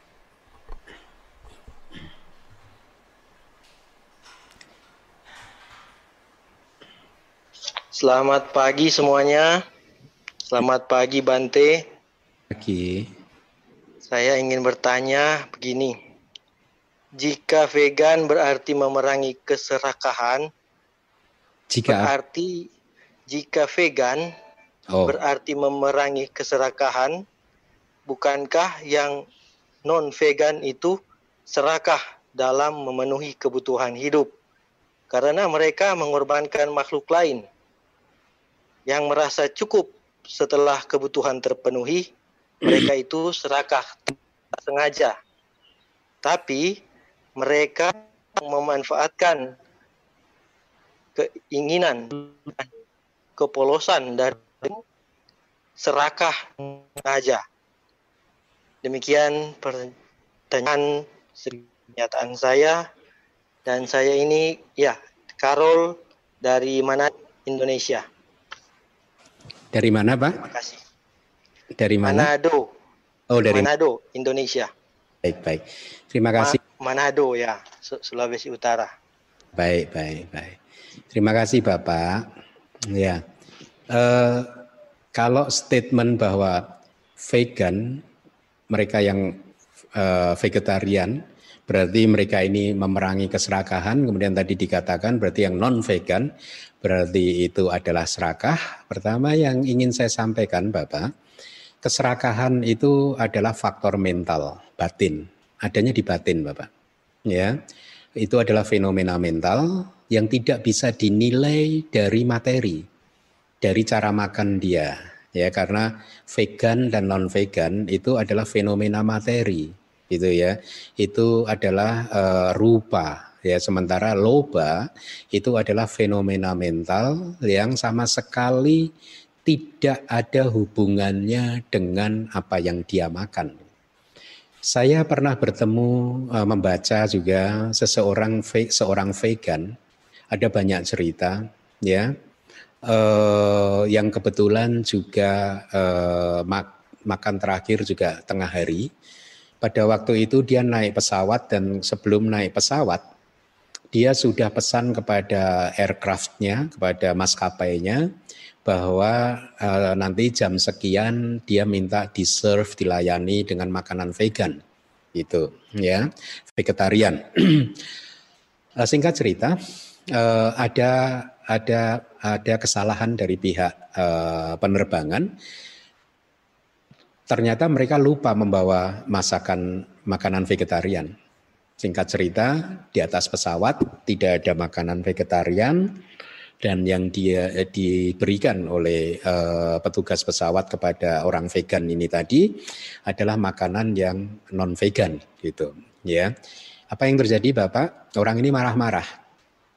Dia marah dengan mengatakan ini maskapai tidak profesional saya sudah menulis ini jauh-jauh hari dan sudah dijawab bahwa makanan confirm vegan begitu. Jadi bahkan dia pun marah kepada pramugari yang melayaninya gitu. Uh, sampai eh, orang-orang uh, yang berada di sekitarnya juga merasa tidak nyaman. Kalau uh, kita lihat kejadian tersebut, maka orang ini serakah, Bapak. Orang ini serakah terhadap masakan vegetarian, gitu, ya. Uh, karena dia serakah, dia melekat seperti monyet tadi menempel ketika dilepas artinya dia tidak mendapatkan apa yang dia inginkan maka dia marah. Dia tidak bisa melepaskannya dengan tersenyum. Oh ya, saya tidak ada makanan vegan, uh, tidak ada ini masakan vegetarian saat ini. Ya sudah, adanya ini. Uh, apa boleh buat? Hanya ada dua pilihan, take it or leave it. Ambil atau diambil atau ditolak. Ya sudah selesai, tanpa harus marah-marah. Ya.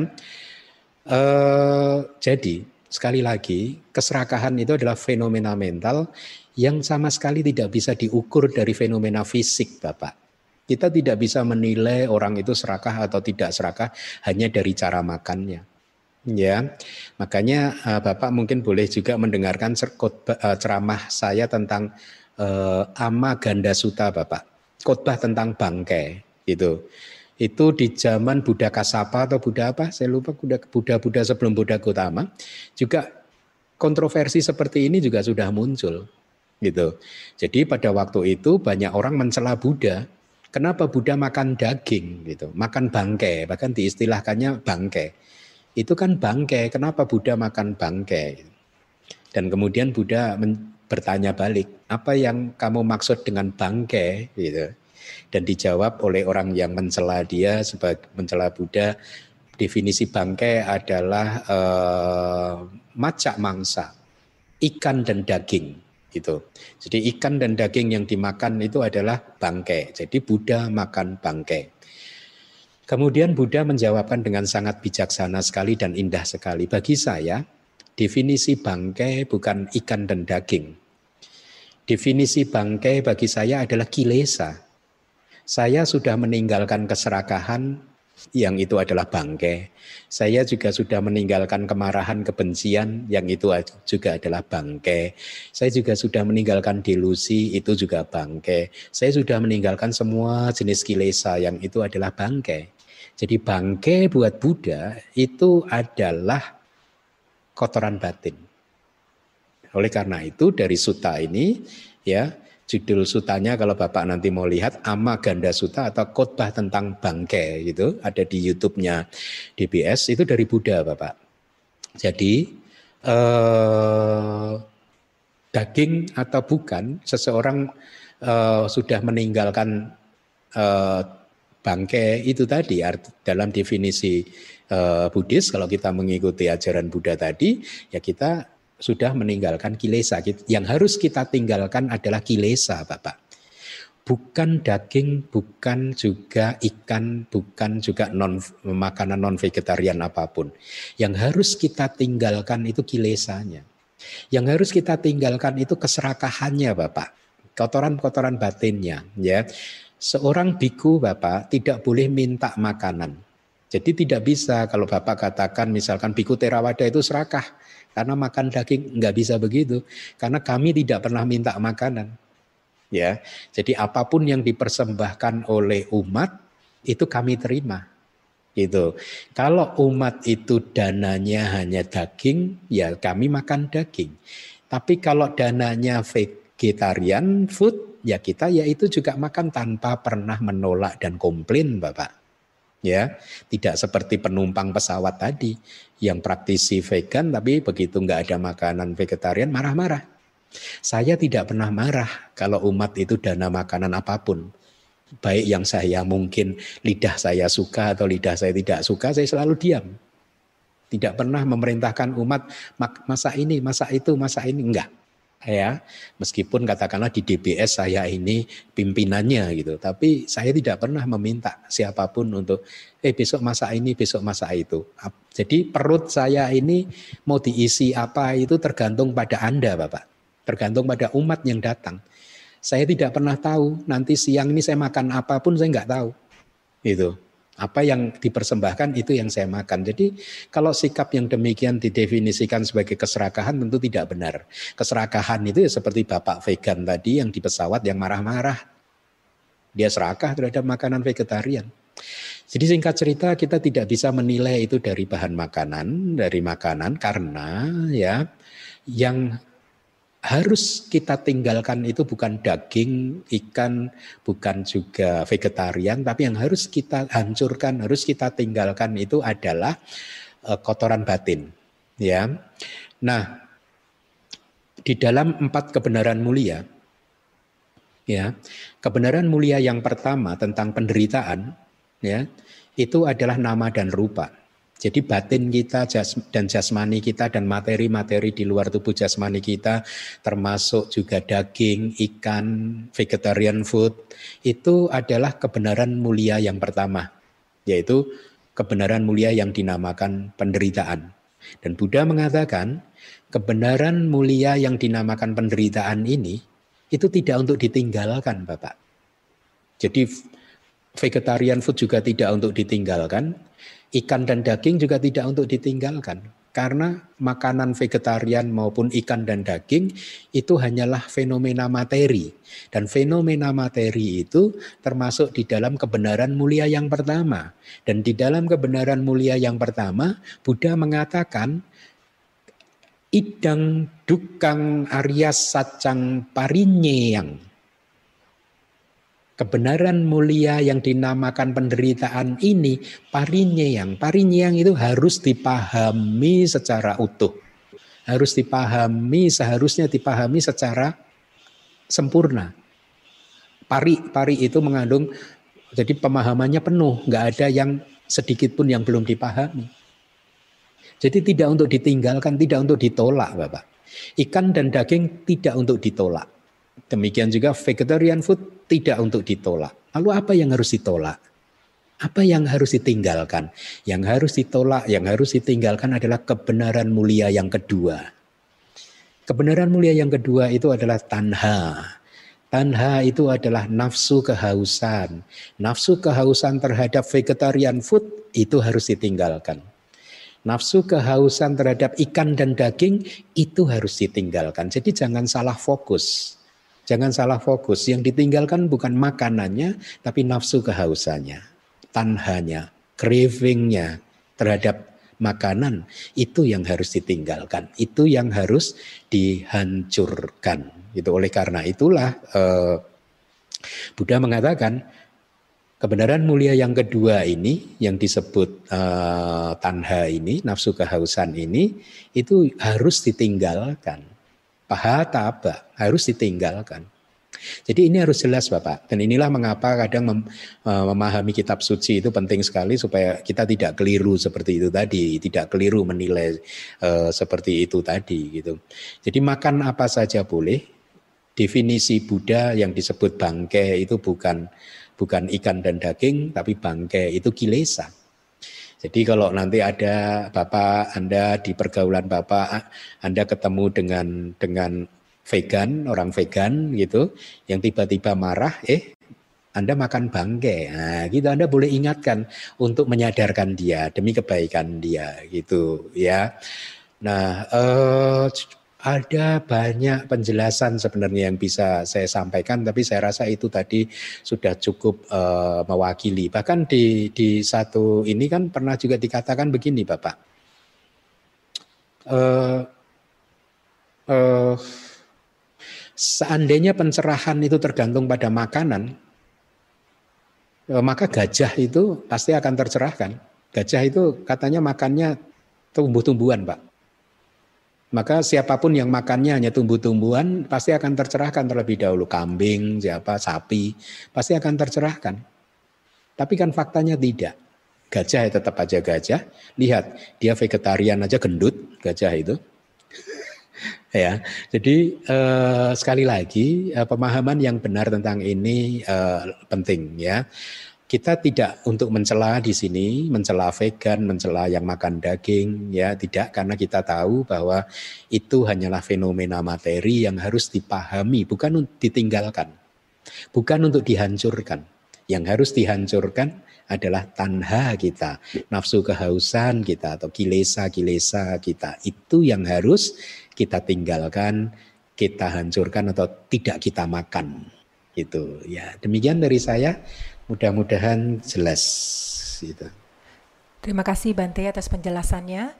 Pertanyaan berikutnya dipersilahkan kepada Sama Nera Ratanawaso. Kepada Bante Ratanawaso kami persilahkan. Ya, sebelumnya selamat pagi satu-satu Bante. Ya, Sukihoto.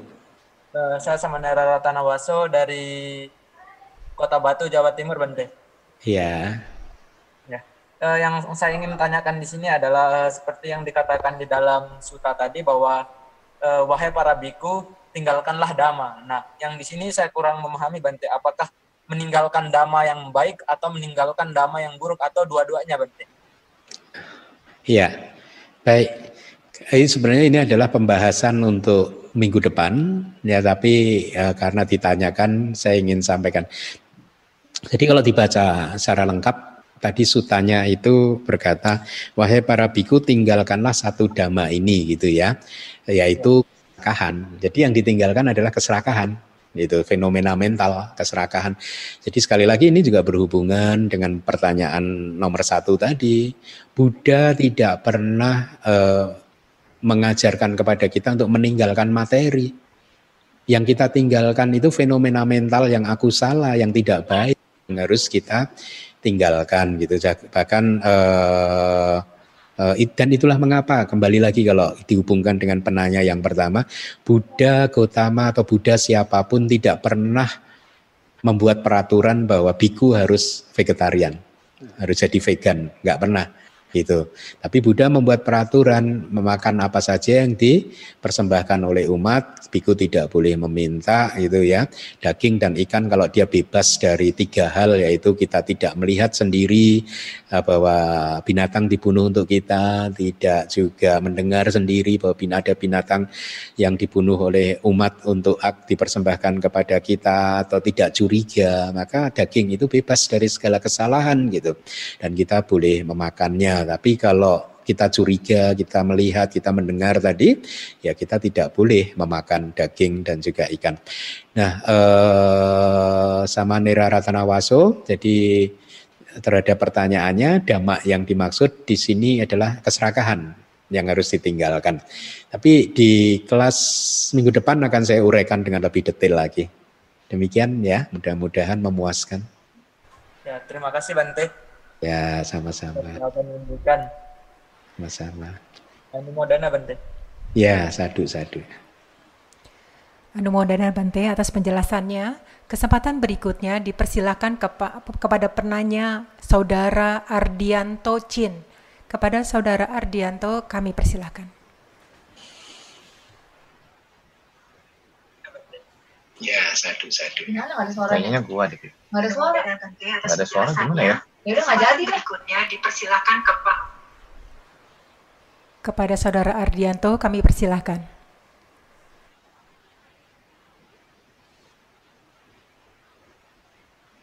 Tidak dengar loh.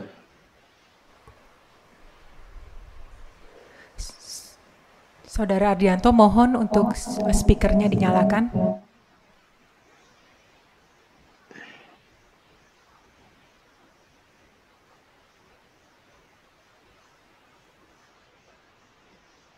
Masih belum mendengar, mungkin mikrofonnya perlu dinyalakan. Di bawah itu. Saudara Ardianto, kami mohon supaya dinyalakan volumenya.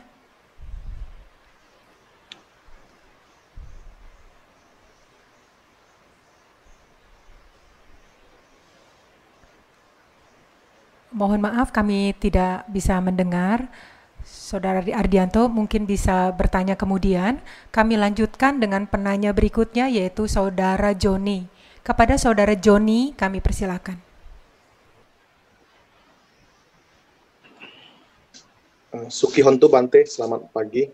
Suki Hontu. Yang saya, mau, uh, yang saya mau tanyakan, tadi sekilas Bante ada menceritakan uh, perumah tangga apa itu kan katanya memberikan gelang emas kepada Paceka Buddha.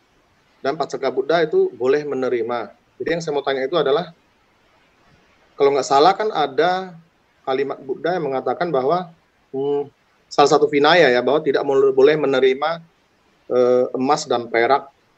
Karena kalau boleh menerima itu berarti boleh menikmati kesenangan indria yang lain. Lalu bagaimana Paceka Buddha itu boleh menerima terus dia bisa mencapai kesucian?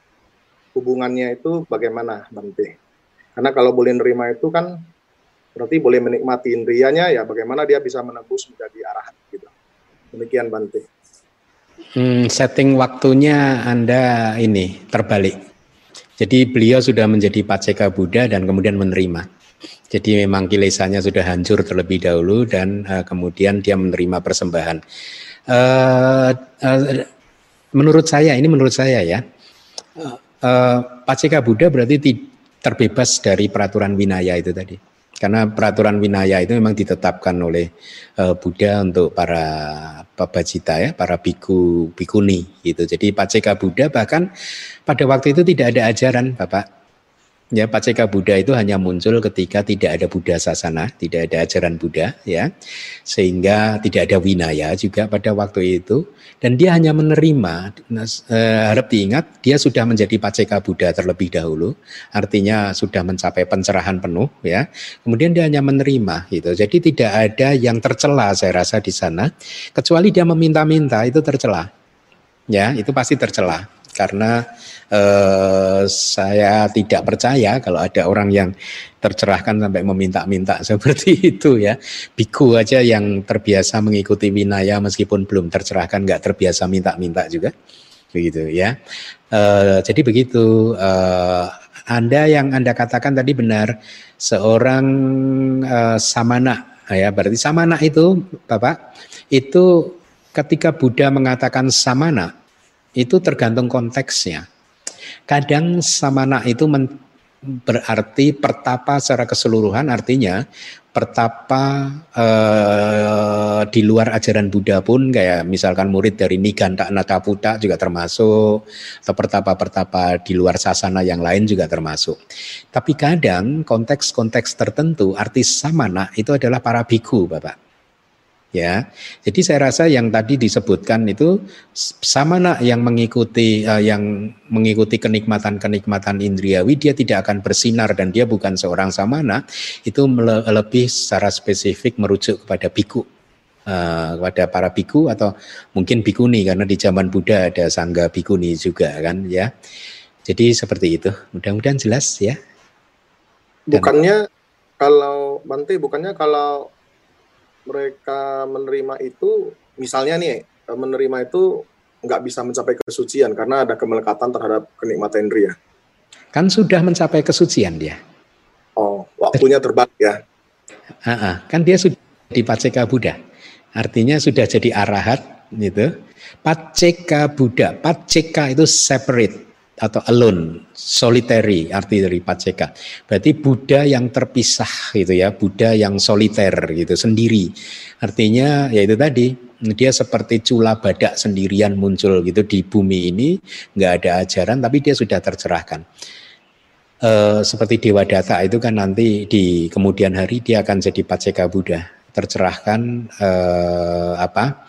ketika tidak ada ajaran Buddha dan dia juga tidak bisa mengajarkan dhamma. Jadi kembali lagi setting waktunya Bapak di, di, dipahami dulu. Ketika dia menerima beliau 8, 8 orang tadi sudah menjadi paceka Buddha, sudah tercerahkan. Dijuluki paceka Buddha itu karena tercerahkan seperti Buddha. Pangeran Siddhartha tidak bisa dijuluki Buddha. Tapi begitu setelah malam penerangan sempurna itu sejak hari itu beliau dipanggil Buddha yang semacam kayak gelar gitu bahwa dia sudah tercerahkan. Nah, sama Paceka Buddha juga begitu. Ketika disebut ini Paceka Buddha berarti dia sudah tercerahkan. Ya, oke, mudah-mudahan puas dengan jawabannya. Oke, terima kasih Bante atas penjelasannya. Mudah-mudahan saudara Joni bisa mendapatkan maknanya. Selanjutnya kami berikan kesempatan kembali kepada penanya sebelumnya yaitu Saudara Ardianto Chin untuk bertanya kembali. Mudah-mudahan mikrofonnya sudah bisa. Kami persilakan.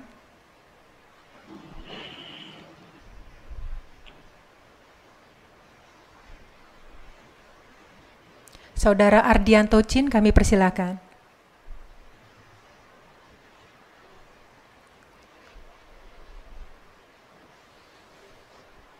Masih belum dengar. Kami masih belum mendengar. Oke. Uh, mohon maaf, kami berikan kesempatan kepada penanya berikutnya, yaitu Saudara Wilson. Kami persilakan.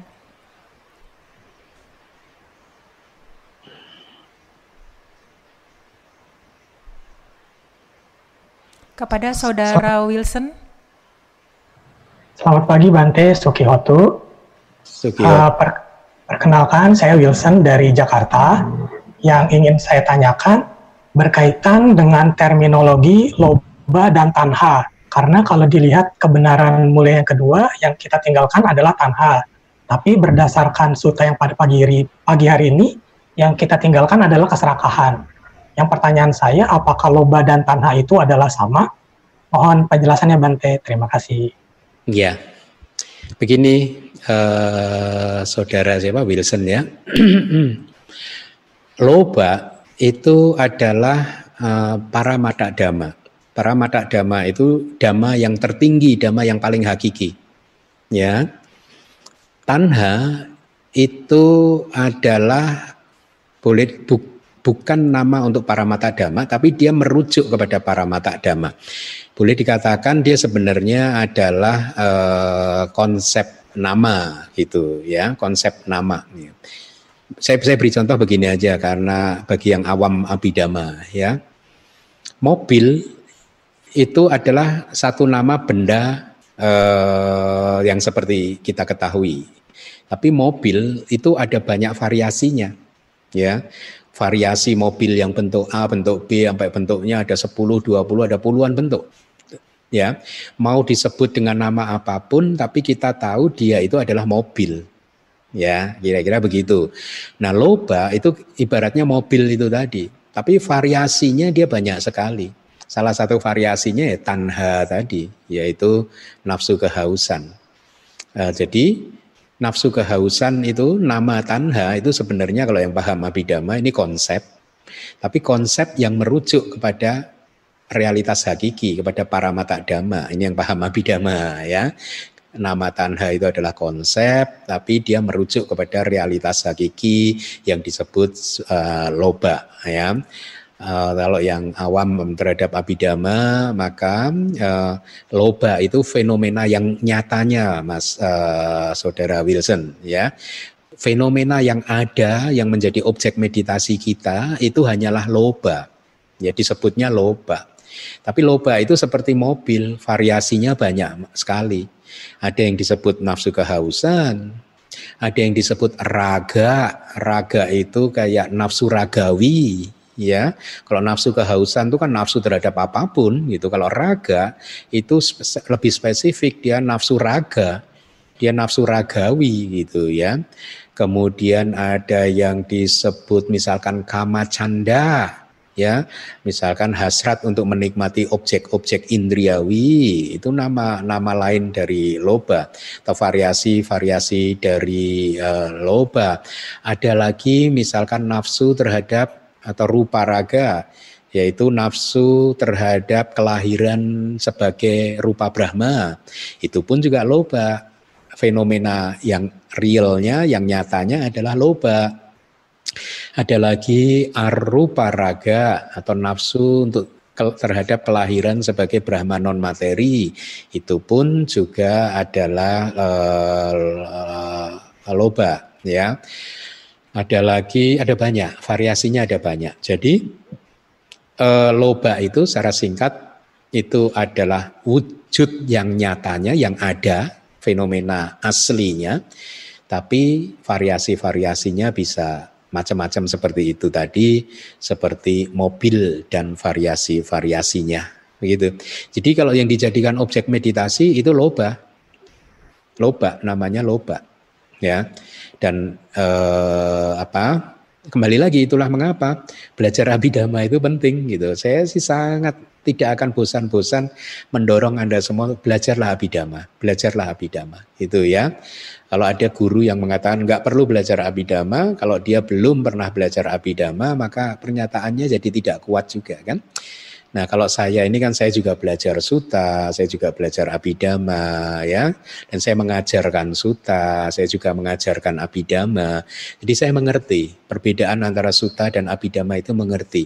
Jadi kalau saya mengatakan mendorong kepada anda semua belajarlah abidama itu karena muncul dari pemahaman uh, saya yang sudah mempelajari suta dan mempelajari abidama dan merasakan manfaatnya belajar abidama. Abidama itu peta spiritual, peta meditasi. Ya, baik demikian. Mudah-mudahan menjawab pertanyaan Anda. Oke, terima kasih Bante atas penjelasannya. Penanya berikutnya kami persilahkan dan sepertinya ini adalah penanya terakhir. Kesempatan diberikan kepada saudara Teddy Tahir. Kepada saudara Teddy Tahir kami persilakan. Uh, baik, terima kasih. Nama budaya Bante. Nama saya Teddy. Saya berasal dari Medan. Medan. Uh, saya mau bertanya tentang loba, di mana uh, saya mau bertanya begini. Mungkin ini sedikit tricky, pertanyaannya sedikit tricky dan sedikit mungkin saya akan dicela mungkin, tapi tidak masalah. Uh, bagaimana jika ada orang berbuat baik tapi motifnya itu adalah terkenal, lalu dia punya sesuatu yang terselubung di baliknya. Nah, e, secara abidama kita melihat bahwa ini adalah sesuatu yang filsafat banget, e, sesuatu yang sangat sangat halus, di mana pandangan Bante bagaimana orang yang berbuat baik, ya mungkin orang akan juga mencela saya bahwa perspektif saya melihat orang lain berbuat baik itu juga suatu hal yang kamu sendiri juga punya loba gitu. Nah, Bagaimana pandangan Bante? Terima kasih. Ya, sekali lagi, inilah pentingnya memahami abidama. Kalau tidak memahami abidama, maka akan sulit sekali untuk menjawab pertanyaan-pertanyaan seperti ini. Ya, kenapa? Tanpa bantuan abidama, maka guru tidak akan pernah paham bahwa fenomena itu bisa, bisa di breakdown sampai ke uh, unsur atau komponen-komponen individual yang terkecilnya, ya. Uh, misalkan fenomena mental ataupun fenomena materi itu bisa dipecah sampai ke komponen paling kecilnya dalam yang mempunyai eksistensi sangat singkat sekali, begitu. Sutta Pitaka tidak bisa menjelaskan ini. Sekali lagi, saya tidak sedang bermaksud tidak perlu belajar suta karena anda kan uh, semuanya tahu kan saya mengajarkan suta, saya juga mengajarkan abidama. Maksud saya adalah dua semuanya harus dipelajari. Suta, abidama itu semuanya harus dipelajari gitu ya. Karena sangat membantu ya. Mungkin abidama itu mempunyai katakanlah ya uh, Eh, karena cirinya dia adalah ajaran yang bersifat hakiki maka kadang beli uh, dalam ajaran abidama itu uh, kurang deskriptif dengan memakai bahasa-bahasa konvensional. Sementara di sisi lain Suta Pitaka karena terlalu memakai bahasa konvensional akhirnya tidak bisa mendeskripsikan fenomena-fenomena yang hakiki gitu. Fenomena-fenomena yang sesungguhnya ada. Fenomena hakiki itu adalah fenomena yang sesungguhnya ada. Loba itu adalah fenomena yang sesungguhnya ada gitu ya. Nah, terhadap tadi e, pertanyaan Anda, e, kalau ada seseorang berbuat baik tapi motifnya adalah ingin tenar, lalu bagaimana? Ya. E, Suta hanya menjelaskan inilah yang disebut karma putih dan karma hitam, gitu, ya. E, tetapi abidama dia akan membreakdown sampai ke partikel yang terkecil, ya. Dia akan Abhidhamma akan menjelaskan dia berbuat baiknya itu berapa lama, berapa proses kognitif, katakanlah gitu ya, yang uh, paham Abhidhamma. Itu dia tahu. Kalau dia berbuat baiknya itu katakanlah selama satu menit saja dia berbuat baik, maka kalau satu men, satu jentikan jari itu ada 600 ribu miliar ya uh, fenomena karma yang tercipta, benih karma yang tercipta, maka selama satu menit itu berapa triliun benih karma yang tercipta dalam setiap kali dia berbuat baik. Jadi dia tidak akan berpikir bahwa dia hanya melakukan satu karma saja. Nah ini perbedaan antara mereka yang paham abidama dan mereka yang tidak paham. Mereka yang tidak paham akan berpikir ada satu orang melakukan karma seperti hari ini, mendengarkan dhamma talk selama dua jam. Mereka yang nggak paham abidama akan berpikir saya sudah melakukan satu karma. Tapi mereka yang paham abidama, mereka paham selama dua jam ini saya sudah melakukan karma baik yang tidak terhitung jumlahnya. Karena satu jentikan jari saja sudah uh, lebih dari setengah triliun benih karma baik yang tercipta.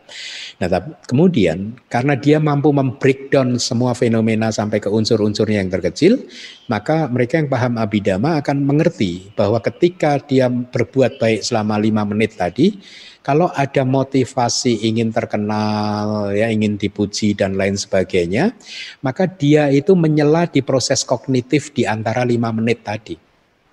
Sehingga ya, sehingga maka kalau ada karma-karma yang baik yang muncul pada saat itu bisa jadi itu adalah karma yang inferior.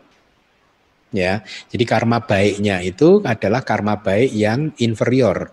Karma baiknya tersebut bisa karma baik yang disertai dengan tiga akar, yaitu disertai dengan tanpa keserakahan, tanpa kebencian, dan tanpa delusi, atau karma baiknya itu tadi hanya dua akar saja, yaitu tanpa uh, keserakahan dan tanpa kebencian, tidak disertai dengan non delusi atau tanpa delusi. Nah, karma yang meskipun karma baik yang inferior seperti meskipun karma baik tetapi karena dia inferior maka nanti kalau karma ini berbuah buahnya pun juga berbeda. Buahnya berbeda kualitasnya ya dibandingkan karmanya yang superior. Artinya karma yang superior itu sejak awal di detik pertama dia berbuat baik sampai lima menit dia berbuat baik itu tadi, dia tidak memunculkan keserakahan, dia tidak memunculkan kilesa-kilesa apa pun. Jadi selama lima menit penuh itu dia itu benar-benar batinnya itu positif, maha kusala, kesadaran yang baik. Tidak ada kilesa yang masuk, maka karma yang seperti itu adalah karma baik yang superior. Tinggal karma baik yang superior ini dianalisa lagi, dia tiga akar atau dua akar ya disertai dengan kebijaksanaan atau tanpa kebijaksanaan. Karena buahnya akan berbeda-beda. Karma baik dua akar superior dan karma baik e, tiga akar superior berbeda buahnya. Ya, karma baik tiga akar superior dan karma baik tiga akar yang inferior yang tadi dicampuri dengan keinginan untuk terkenal dan lain sebagainya, buahnya berbeda. Jadi secara singkat untuk menjawab pertanyaan Anda, orang tersebut pun melakukan karma baik tetapi dia inferior. Dan buahnya apa? Eh, buahnya bisa macam-macam ya. E, kalaupun e, apa? bisa macam-macam. Ya, seperti mungkin ibaratnya bagi yang awam abidama itu buah dalam satu pohon pun itu juga ada yang buahnya manis, ada yang buahnya tidak manis kan? Ya. Oleh karena itu apa yang harus kita lakukan? Tentu saja yang desirable adalah melakukan karma baik tiga akar tapi juga superior, tidak uh, diselipi atau tidak dimasuki oleh kilesa-kilesa karena ingin dipuji, ingin terkenal, ingin tenar atau ingin memuaskan egonya saja supaya orang-orang tahu saya adalah donatur dan lain sebagainya begitu ya. Jadi kalau mau berbuat baik, berbuat baik aja, lepaskan saja jadi jangan kita harus benar-benar menerapkan apa uh, pengendalian diri indria sangwara supaya kilesa-kilesa kita tidak sempat muncul ketika berbuat baik. Termasuk dalam saya pun ketika membabarkan dhamma begitu juga mungkin tidak ada yang tahu bahwa saya juga selalu mengamati pikiran-pikiran saya. Menjaga supaya tidak ada kesombongan dari sisi saya menjaga supaya tidak ada ketidakjujuran juga dari sisi saya gitu. Jadi menjaga supaya kilesa-kilesa nggak muncul. Jadi itu yang harus kita lakukan. Ya, jadi karena pada akhirnya berbuat baik itu adalah untuk mendukung pencapaian pencerahan kita. Kita berbuat baik bukan untuk dipuji, kita berbuat baik juga bukan untuk apa hasil-hasil yang bersifat duniawi tidak, tapi kita berbuat baik supaya perbuatan baik ini bisa menjadi kondisi untuk pencapaian nibbana kita. Semoga jawaban ini cukup memuaskan Anda. Terima kasih. Baik, terima kasih Bante atas penjelasannya. Jadi itu merupakan pertanyaan terakhir untuk kelas Pariyati Sasana pada pagi hari ini.